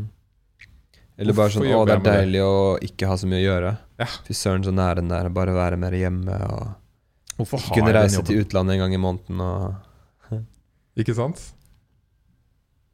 Jeg må kanskje innrømme at jeg er litt skuffa over hvor lett vi bare eh, smeller tilbake inn i det gamle sporet nå som vi åpner. Veldig. Jeg hadde håpet på at en sånn her type krise skulle bli en større wake-up call. Um, Men igjen, da, kanskje det har starta opp noe. ja, må håpe det. Og at folk har Det er jo det vi snakker om over lengre tid. Mm. Hvis folk forandrer seg litt og litt, Ja, så blir det ganske mye ja, over tid. ja. Så det er kanskje ikke sånn man ser med en gang, Nei. men det starter jo en endring. Ja, ja. Og tid har vi nok av. Tid er vi nok av. Forhåpentligvis. Nei, det er veldig Veldig spennende temaer. Kan jeg spørre liksom, hva er en litt sånn unik eller god rutine du har i hverdagen eller livet? Mm. En av de tingene som gjorde størst Som jeg tror har størst em, innvirkning på helsa mi, eh, mental, fysisk helse, som jeg fikk gjennom å, å studere Arveda, både med læreren min, men også studerte med andre lærere, er eh, respekten for hvor viktig det er med hvile og søvn. Det er selvfølgelig ikke det samme, men det er relatert. Um, og kvaliteten At kvaliteten av hvile er alfa og omega. Eh, for meg så var det sånn at å legge seg ned på ryggen og lukke øynene, eller å meditere, gjorde meg ofte mer Kunne gjøre meg mer eh, stressa, mer engstelig. Fordi det var så mye tension på innsiden. Så den her distraherende livsstilen var egentlig mer rolig enn det å begynne å kutte det ut. Mm. Så igjen da å lære eh, teknikker og eh, rammeverk for å faktisk klare å putte kroppen sin i en tilstand av dyp hvile, hvor ikke bare kroppen slapper av, men også liksom emosjonene og sinnet får fri. Det tror jeg har vært noe av det mest innvirkningsfulle. Og det har jeg gjort ganske mye og øvd ganske mye på, så nå klarer jeg det på tolv minutter. Som blitt sånn Komme inn i komme inn og ut av det. Eh, Og det har blitt sånn greie hjemmet vårt, for vi har to små barn på to og fem, så det går ganske høyt i tempo fra tidlig til sent. mm. Og det er følelsen at det er aldri noe rom til å liksom Bare sånn ah, jeg trenger en ettermiddag fri. Men nå kan jeg si til kona mi sånn, kan jeg ta tolv minutter? Og det er nesten alltid tid til tolv minutter. Da kan hun ta frem noen tegneark, og innen de har begynt på det, så er jeg ute igjen av rommet. Og så kan jeg ta tolv minutter hvor jeg faktisk da går fra å være sliten og susete, sausete, til å komme ut igjen i rommet og føle at nå har jeg fått en reboot. Eh, noe av det mest innvirkningsfulle utenom det har vært å arbeide med pust, eh, som også er det jeg har gjort mest når jeg jobber med andre mennesker. Um, som er et så utrolig fenomen, og et så utrolig verktøy for å gjøre alt mulig rart med kroppen og sinn og emosjonene og sånn. Men viktigst noe vi bærer med oss hele tiden, og noe vi kan manipulere med intensjonen vår. Sånn at vi egentlig hele tiden for hånden har et verktøy for å um, være i større kontakt med oss selv. Uh, og det ble også en, en naturlig liksom, erstatning for meg av å jobbe med typisk plantemedisiner eller Mm. man si, outsourcinger av denne kraften tilbake inn i meg selv og, og i det, hva skal man si, de nådegavene vi er blitt gitt av naturen. Og jeg opplever at pusten definitivt er en sånn um, ja, Folk er opptatt av liksom DMT og sånn, men pusten er liksom det ganger tusen. Og vi har det hele tiden. eh, Ligger gjemt rett under nesa på oss. Er det noen sånne enkle metoder folk som kan høre på, kan gjøre i hverdagen med pusten? For å kanskje disconnecte litt da fra Ja. hverdagen, eller fra stress, eller fra sinne, eller Ja. fra et eller annet. Ja. Er det noen teknikker man liksom Åh, i dag har jeg hatt en Så det er så mange ting man kan gjøre med pusten. En ting som, som skjer når vi er bevisst på pusten vår, er jo at vi også veldig fort blir bevisst på hvordan vi har det. Så den her eh, Jeg skjønner hva du mener, men måten du sier det på, at vi skal disconnecte fra sinne og stress, da tenker jeg heller at problemet vårt er at vi ikke connecter nok med det. Ok, vi skal connecte med det. Maks, mest mulig. Mest mulig. Fordi når vi connecter med det, så tar vi også brodden av dets irritasjon for oss, og det får også oss å snakke til oss med den beskjeden den har. da. Sinne, der er, sinne er jo et grunn, stresset er et grunn, frustrasjonen er der et grunn. Um, så bare det å sitte stille og lukke øynene, gjerne legge hånden på magen, og så bare eh, bringe bevisstheten sin til pusten, til det faktum at det pustes Og gjøre det i ett minutt um, ha helt mirakuløse effekter. I de menneskene som jeg har jobbet med, eh, når de gjør det da typisk over tid. Jeg har hatt et program som jeg um, har kjørt et par ganger, som er et sånn 30 dagers program med en hypotese om at hvis du er bevisst på pusten din i 30 dager, så kommer du også til å liksom reboote livet ditt. Og da har vi hatt fem minutter på morgenen og fem minutter på kvelden. At det første du gjør når du står opp om morgenen, er å sette deg og puste. Det siste du gjør før du legger deg, er å sette deg ned og puste. Og det gir, gir igjen da det her speilet da, på hvordan er det egentlig har det, hvordan egentlig jeg føler med det. Og at det her stresset plutselig blir Går fra å være sånn Å, shit, jeg er stressa. Jeg må liksom sove eller drikke litt vin eller et eller annet. Til å skjønne at ok, det stresset her er jeg en grunn. Hvis jeg kjenner på det stresset, så ligger det en beskjed der. Å ja, jeg lever et superstressende liv. Kanskje jeg må liksom rydde opp i det. Kanskje jeg må organisere hverdagen min annerledes. Prioritere fritiden min annerledes. Så det tenker jeg er den mest sånn enkle inngangen. Og så er det jo et uendelig antall øvelser og teknikker og sånn man kan jobbe med. Ehm, men det morsomme når man jobber litt med pusten og lærer seg å bruke pusten, er jo at du kan bruke pusten til å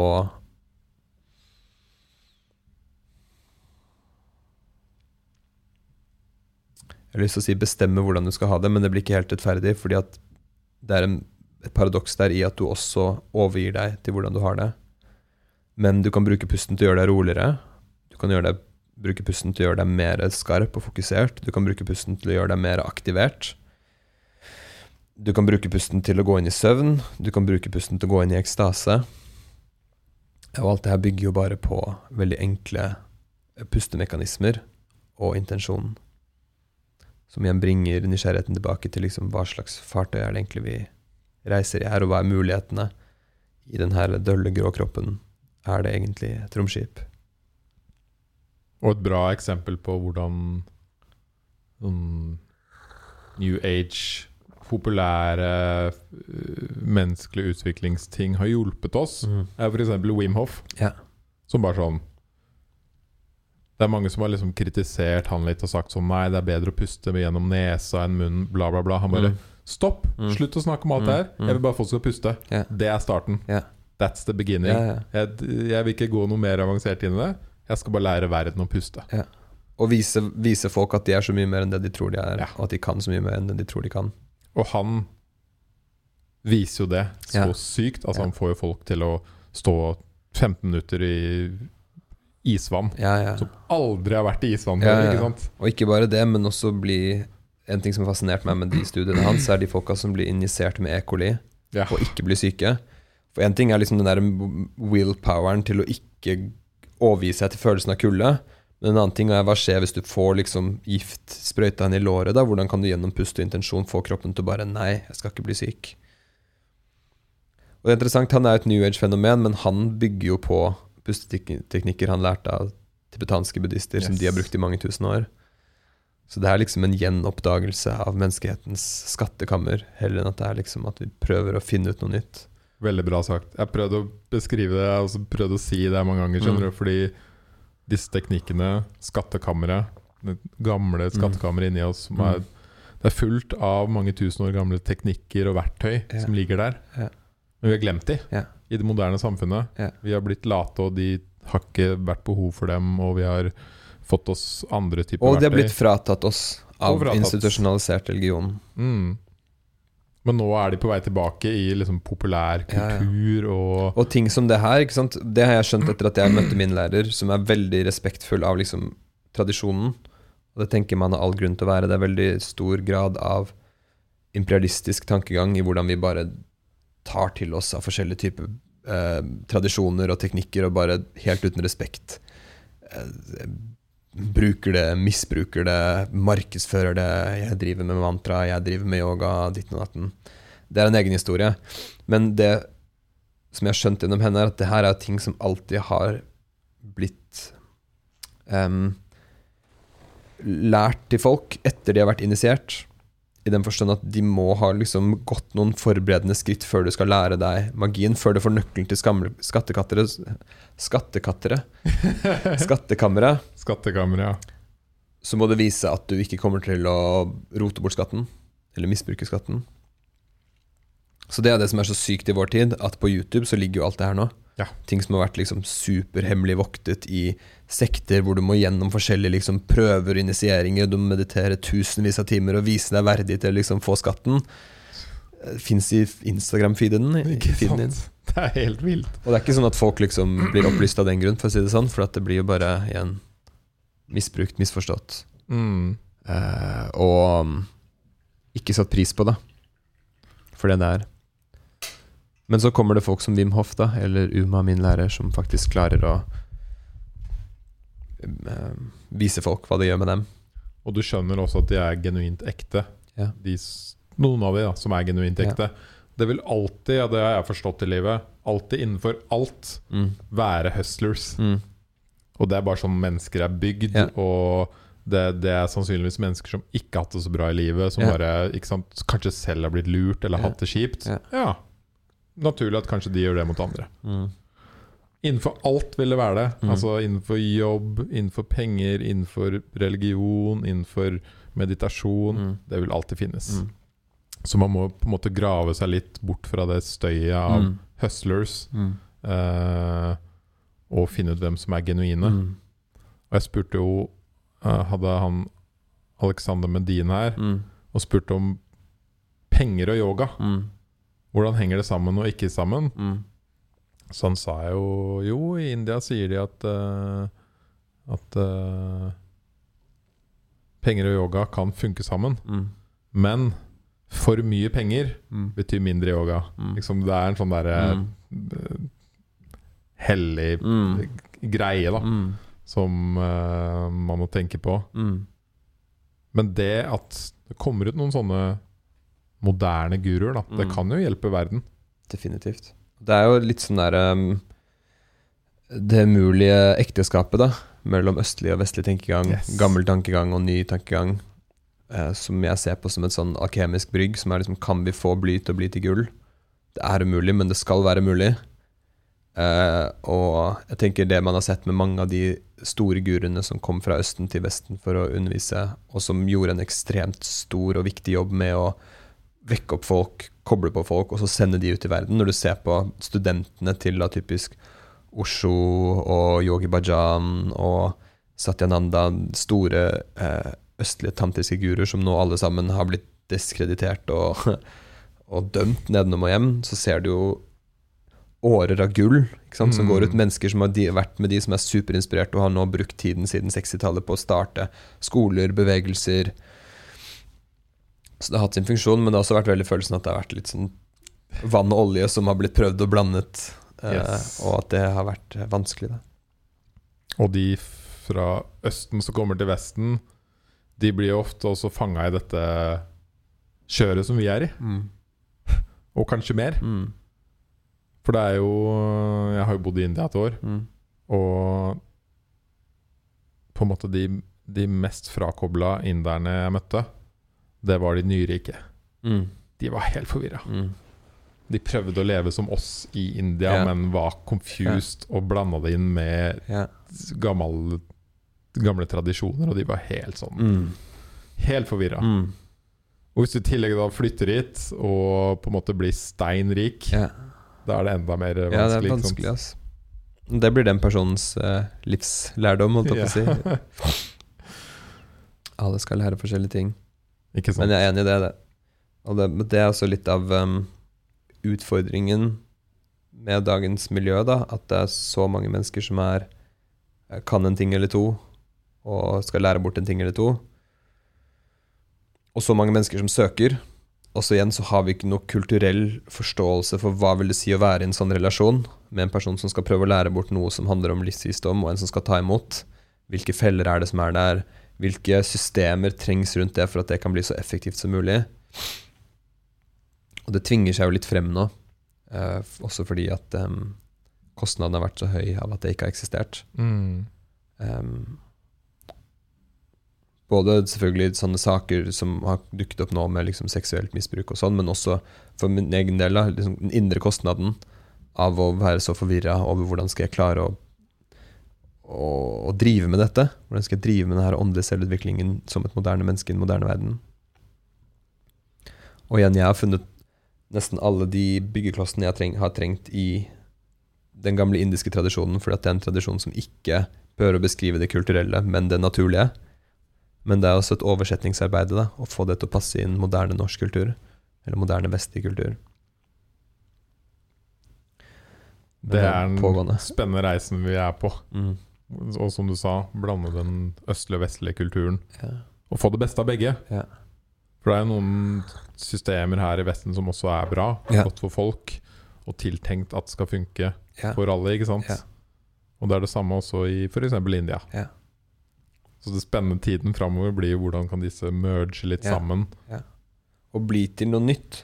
Noe nytt. Det blir ikke liksom den og den, og så blir de sammen. Det blir liksom mor og far blir til et barn. Det blir en slags Yes. ny, ny kultur, ny forståelse, ny identitet som vokser frem. Og til tross for at jeg har litt motstand for det, fordi at jeg kan være litt konservativ på noen ting, så ser jeg jo at dette er en liksom syntesens tid. Det er liksom alle brikkene skal på bordet, og vi skal finne ut av hvordan du kan da fuse peruviansk sjamanisme med yoga, med ikke sant, sånn som man driver med nå, med liksom kakao, kirtan, eh, ditten og datten. Um, og igjen at det, det at det liksom humper og går litt og er litt rotete, er en effekt at det er så nytt og vanskelig å finne ut hvordan det skal være. Men det som vokser frem i folk, er jo en connection til sitt, egen, eh, sitt eget liv og seg selv. Og det er det til syvende og sist som blir bærer av Eller det som bærer frem den nye tradisjonen. Mm. Det er jo sånn yogaen kom frem også. Det var ikke noe som satte seg ned og fant ut at de skulle lage noe smart. Det var jo folk som levde ekstremt integrerte liv, som begynte å snakke sammen og finne ut av hva er mønstrene her. Hva er det som funker, hva er det som ikke funker. Og så levde de sikkert også et liv i kaos og måtte finne svar. Definitivt. Ikke sant? Ja. Dette er jo folk som har gjort det vi gjør nå, før. Ja. Og bare hvordan kan vi ordne opp i all skitten rundt oss? Jo, du har noe bra verktøy. Yeah. Du gjør de tingene. Yeah. I det landet gjør de det. Ja. La oss smelte det her sammen. Det handler om liksom mat, mindset, kultur, mennesker, jorda. ikke sant? Og det tror jeg er det som er styrken i de indiske vitenskapene som har gjort at de har overlevd uavbrutt siden starten. Og det er den eneste visdomstradisjonen som har det. En så rik tradisjon som har liksom generasjon etter generasjon, generasjon generasjon overlevd. Det er at det er knytta til jorden, det er knytta til naturen, det er knytta til naturens lover, til den fysiske virkeligheten. Um, og til et veldig dyp på en måte objektiv forståelse av hvordan funker væskene i kroppen, hvordan funker metabolismen, hvordan funker sinnet vårt. Uh, og det er det som blir bestandig. Alt som er en, en idé eller et konsept eller en ideologi, har sin, har sin tid, og så blir det borte Mm. i den her naturlige syklusen som de indiske vitenskapene og livsvisdommen prøver å beskrive og eh, flowe med, da, kan du si. Mm. Som igjen går tilbake til det vi snakket om helt i starten, med genuinitet. Være en del av liksom virkelighetens genuinitet og stå i det, på godt og på vondt. Eh, men aldri fattig. Alltid beriket. Eh, kontra det her luftslottet, hvor man har bestemt f.eks. at eh, at virkeligheten er meningsløs, at det er opp til hver enkelt å ekstrahere så mye nytelse man kan den korte tiden man er her. Ikke sant. Det er viktig å ikke gå i den fella.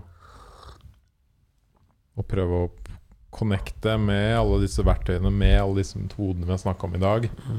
Så gjelder det jo å teste og finne sin metode, da. Mm. På å bli mer genuin og komme i kontakt med seg selv. Mm. Hvis man vil. Hvis man ønsker. Men jeg, Det er jo mange som lever et veldig veldig happy liv, og dette her er jo vår refleksjon. Ja. Eh, vi kan jo ikke si hvordan folk skal gå og leve. Nei. Dette kan være, kanskje være en pekepinn på Hvis du sitter der med en liten knute i magen hver dag, og noe er litt gærent, og, eller du sitter med sinne, eller Mm. du har en drøm eller en idé eller en tanke, Mm. så, bare, så kan du faktisk Du trenger ikke å slutte med jobben din med en gang. Nei, Det for, kan være skummelt. for de fleste, det er det jeg prøvde å si i starten, jeg, jeg liksom erkjenner mer og mer at min vei er så sykt sær. Ja. Den er veldig spesiell. Uh, og um, ganske høy risiko av å ende opp veldig disintegrert og desillusjonert. Um, og for noen så er det genuint ikke sant? Det som er kult med å studere Arveda, er at du blir veldig interessert i folks genuinitet. også når du da lærer deg mer og mer å skjønne kategorien av hvordan mennesker er satt sammen med temperamentet sitt og sinnet sitt, og hva slags psykologi som opererer i dem og sånn, så skjønner du sånn Shit, det er noen mennesker som er laget, designet, for å være aggressive børshaier. De liksom thriver der fordi hver del av deres genuinitet får den fòringen de trenger. Og så kan man si at det er synd at det liksom ødelegger naturen, men man kan fortsatt ikke si til det mennesket at liksom, du burde begynne med meditasjon eller yoga eller noe. Det kan være superfeil for den personen. Um, og så er det igjen da igjen bare gjennom mitt arbeid eh, med å jobbe med særlig pust, eh, og mennesker som har lyst til å jobbe med utvikling, erkjennelsen at det er veldig mange mennesker som går og føler at liksom jeg går og stamper litt i noe som jeg ikke Mm. helt klarer å finne ut av. Jeg har en drøm, jeg vet at jeg egentlig vil noe annet, men jeg har ikke, skjønner ikke helt hvordan jeg skal komme meg dit. Og da igjen er disse verktøyene ikke noe sånn eh, abstrakt religiøse greier. Det er veldig håndfaste måter for kroppen og sinnet å begynne å snakke sammen igjen for å finne ut av hva som egentlig er viktig. Mm. Og bygge en, eh, bygge en stabilitet i den retningen. For å ta en parallell historie, da, for å gjøre et annet eksempel ut av det. Jeg har levd ganske likt liv som deg, men og prøvd alle de samme tingene du har snakka om. Mm. Men jeg hoppa ikke av mastergraden. Mm. Og liksom hoppa heller eh, Tok den, Mm. og så gikk inn i jobb, Mm. og har fortsatt jobb. Mm. Men har eh, Eller har jobb. eh, men har alltid utforska disse tingene her Mm. for å være mer i kontakt med meg selv og mer bevisst. Og liksom Og jeg kjenner veldig mange som deg, og veldig mange som meg, som har gjort alt det her, men noen har gått litt mer ekstreme veien, ikke sant? Og bare slutte med alt. Mm. Jeg skal kun gå liksom Mm. alternativruta Mm. og teste alt sånn. Mm. Eh, noen har gjort midtveien, Mm. som er sånn Jobbe litt mindre, Mm. gjøre litt mindre, Mm. og, og, og teste noen ting. Og så er det noen som på en måte har funnet noen verktøy de kan bare bruke i livet de har i dag. Mm. Alt det funker, Mm. ikke sant? Mm. Så det her er en sti man går selv i livet, Mm. hvor man selv kan bestemme. Mm. Og man kan gjøre det step by step. Det viktige, syns jeg, er Sitter du med en sånn dårlig følelse eller vil et annet sted i livet? Det viktigste jeg sier til folk, er å begynne med noe. Mm. Ta første steg. Mm. Ja, og ta det på alvor før det kommer og tar deg. Ja. For det er altså det som skjer til slutt hvis du fornekter lenge nok at Yes. følelsene skriker om et annet liv, og sjelen roper om et mer, mer farger Mm. og tekstur. Og det kan være for noen en liten ting, Mm. som å være med på hytta, eller begynne med et, uh, et lite yogakurs, eller begynne med noe kunstkurs, eller noe sånn. Helt den andre siden av skalaen. Liksom Mm. total life change. Mm. Og all respekt til alle Mm. de valgene, ikke sant. Mm. Definitivt.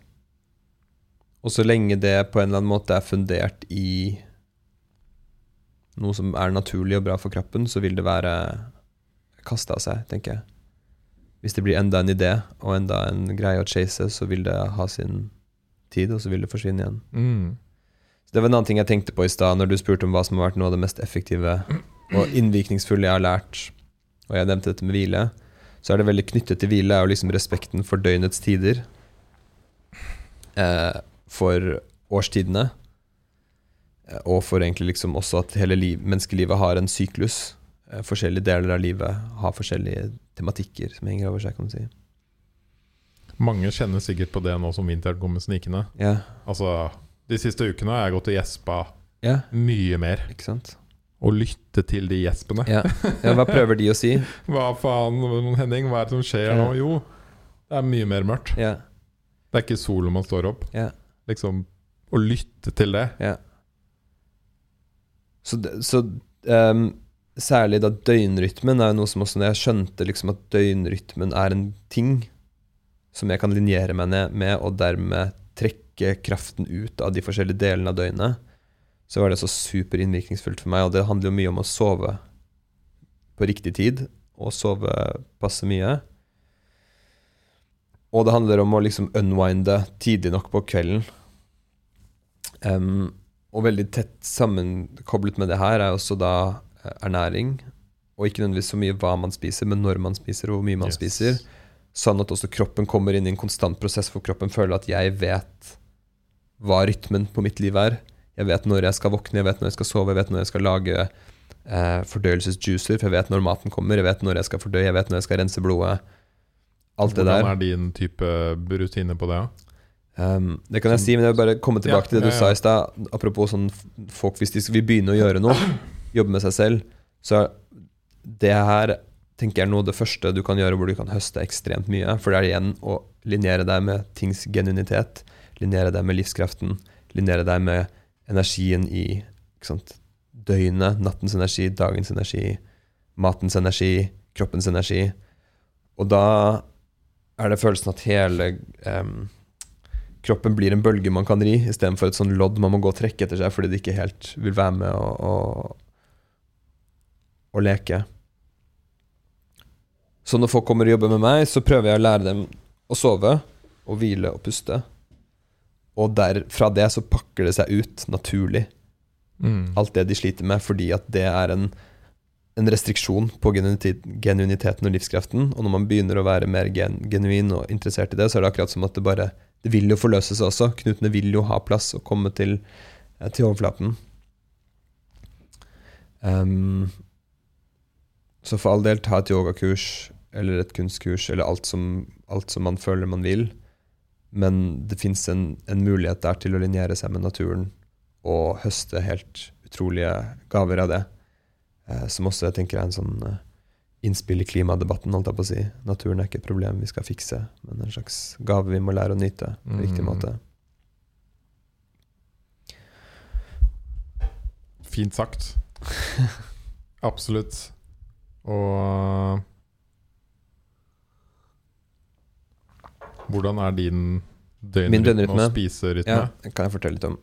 Det, min døgn- og spiserytme baserer seg da på mitt genuine uttrykk, eh, forstått gjennom en arvedisk linse. Så det er da Og jeg regner med jeg Bare spørre deg før du sier det. Og jeg regner med da tilpassa inn i samfunnet og livet du lever.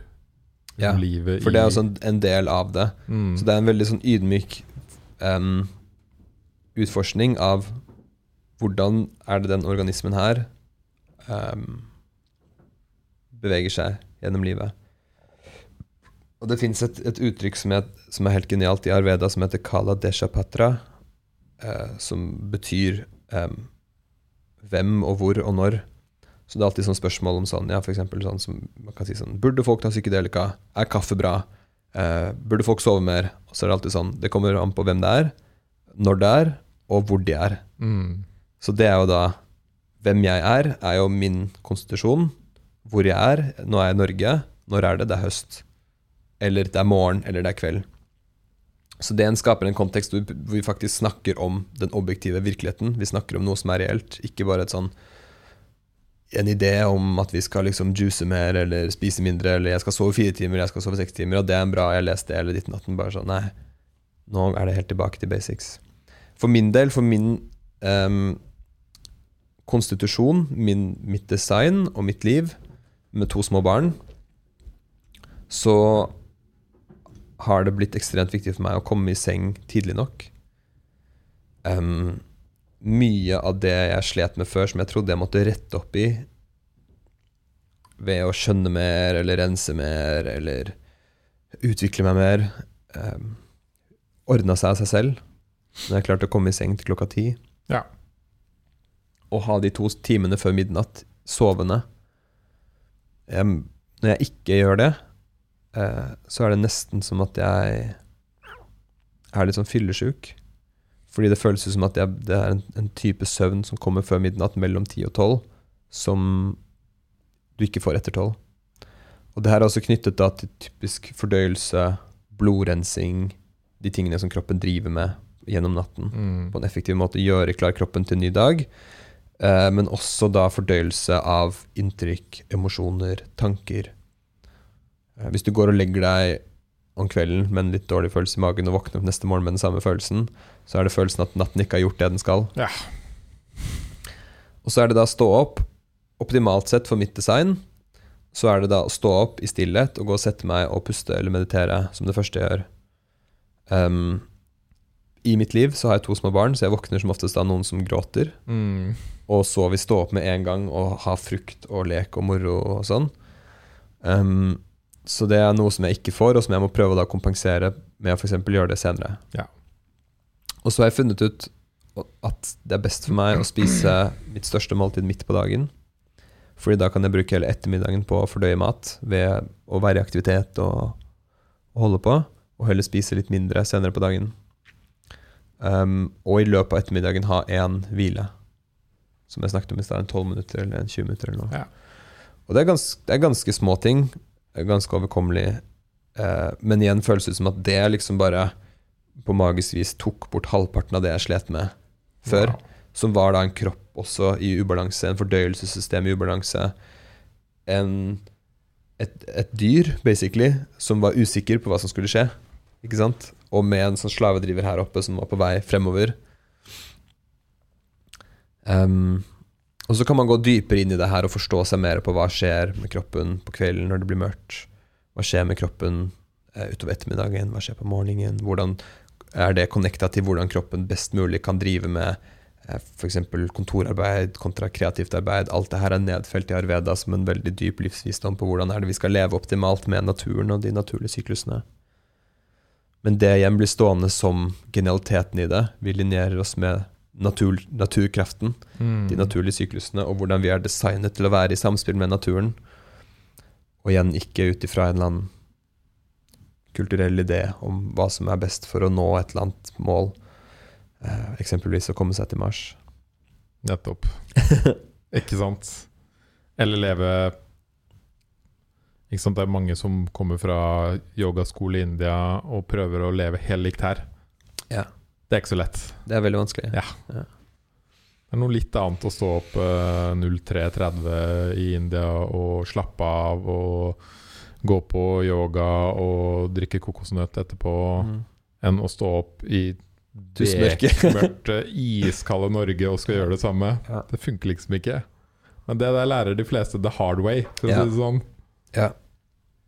Og så gir det en inspirasjon. da. For meg så er det sånn jeg vet at hvis jeg kommer meg opp fem eller halv seks og får en time da, så er det ekstremt nyttig. Mm. Så det er av og til at jeg um, Hvis jeg klarer å komme meg i seng tidlig nok, ha på vekkerklokken 4.55, liksom, så jeg kommer opp til fem og vet at da har jeg i hvert fall en time før barna våkner. Og så kan jeg gjøre det to ganger i måneden, eller noe sånt. Og så på sommeren er det lettere. Da kan man stå opp med solen og sitte ute og høre på fuglene og sånn. På vinteren er det vanskeligere, men det er litt sånn følelsen igjen at når jeg vet hva som er bra for meg, så kan jeg velge. Det er en så utrolig befriende ting. Kontra sånn som jeg hadde det med før, hvor det føltes sånn jeg vet ikke hva som er bra for meg, så jeg prøver litt av alt. Ja. Så håper jeg finner noe som treffer. Og det der har også vært en sånn snuoperasjon i mitt liv, hvor jeg nå virkelig embracer og liker og elsker morgener. Mm. Og skjønner hvor våken, produktiv, kreativ jeg er da, Mm. kontra f.eks. fra 10 til 12 på kvelden. Mm. Som jeg likte mer før. Yeah. Da var det liksom åh, nå skal jeg ligge i sofaen som et uh, halvdødt lik og se på et eller annet drit på TV-en som ikke Mm. gir meg noen ting. ikke sant? Mm. Jeg digger ikke det så mye lenger nå. Mm. Altså Det er selvfølgelig kos av og til, yeah. og er, man skal gjøre det òg. yeah. Man skal ha helg, yeah. man skal gå på fest av og til. Det er ikke det jeg sier. Men i ukedagene spesielt så gir det meg veldig mye mer. da Mm. Å heller stå opp litt tidlig. Mm. Og så vite det at når folk kommer på jobb klokka ni, så har jeg f.eks. allerede hatt to-tre timer med jobb, eller med noe kreativt, Mm. eller med lesing, eller Mm. meditasjon, eller et eller annet som du selv må velge Mm. og like å gjøre. Og så kan jeg være litt på jobb, Mm. og så kan jeg f.eks. trene. Mm. Så det, det er liksom, man kan snu dagen ganske mye Ja. i forhold til det man tror er riktig da, Ja. og bra for seg. Og Man kan eksperimentere, men det, igjen, det lønner seg å ha et slags rammeverk hvor man også vet hvilken retning man skal eksperimentere i. Mm. For å få den her eh, valgfriheten. Da, til bare sånn, jeg kan velge. Jeg kan velge å Og så em, dra på fest, da. For jeg vet hva det gjør med meg. Jeg vet hva jeg skal gjøre før og etter for å balansere det. Og når jeg er der, så kan jeg nyte det, fordi jeg vet også at, at det er noe jeg velger. Veldig bra. Det her har vært en fin samtale. Ja, Hæ? enig. Jeg eh, er veldig glad for at du kom på besøk på podkasten min. Mm. Veldig kult å være her. Ja. Veldig eh, kult å, å prate så lenge og uavbrutt med en person du aldri har møtt før. Ikke sant? Ja. Og som jeg sa til deg, det er bare det å det hele tatt eh, sitte ned over lang tid og prate konsentrert, er jo mangelvare. I hvert fall i mitt liv. Mm, det er det. Og det eh, Det er litt av det unike med podcaster Mm. kontra en TV-sending eller en debatt Mm. eller et eller annet sånn. Mm. Man kan faktisk gå dypt og bli litt bedre kjent med personen, Mm. som er fantastisk. Mm.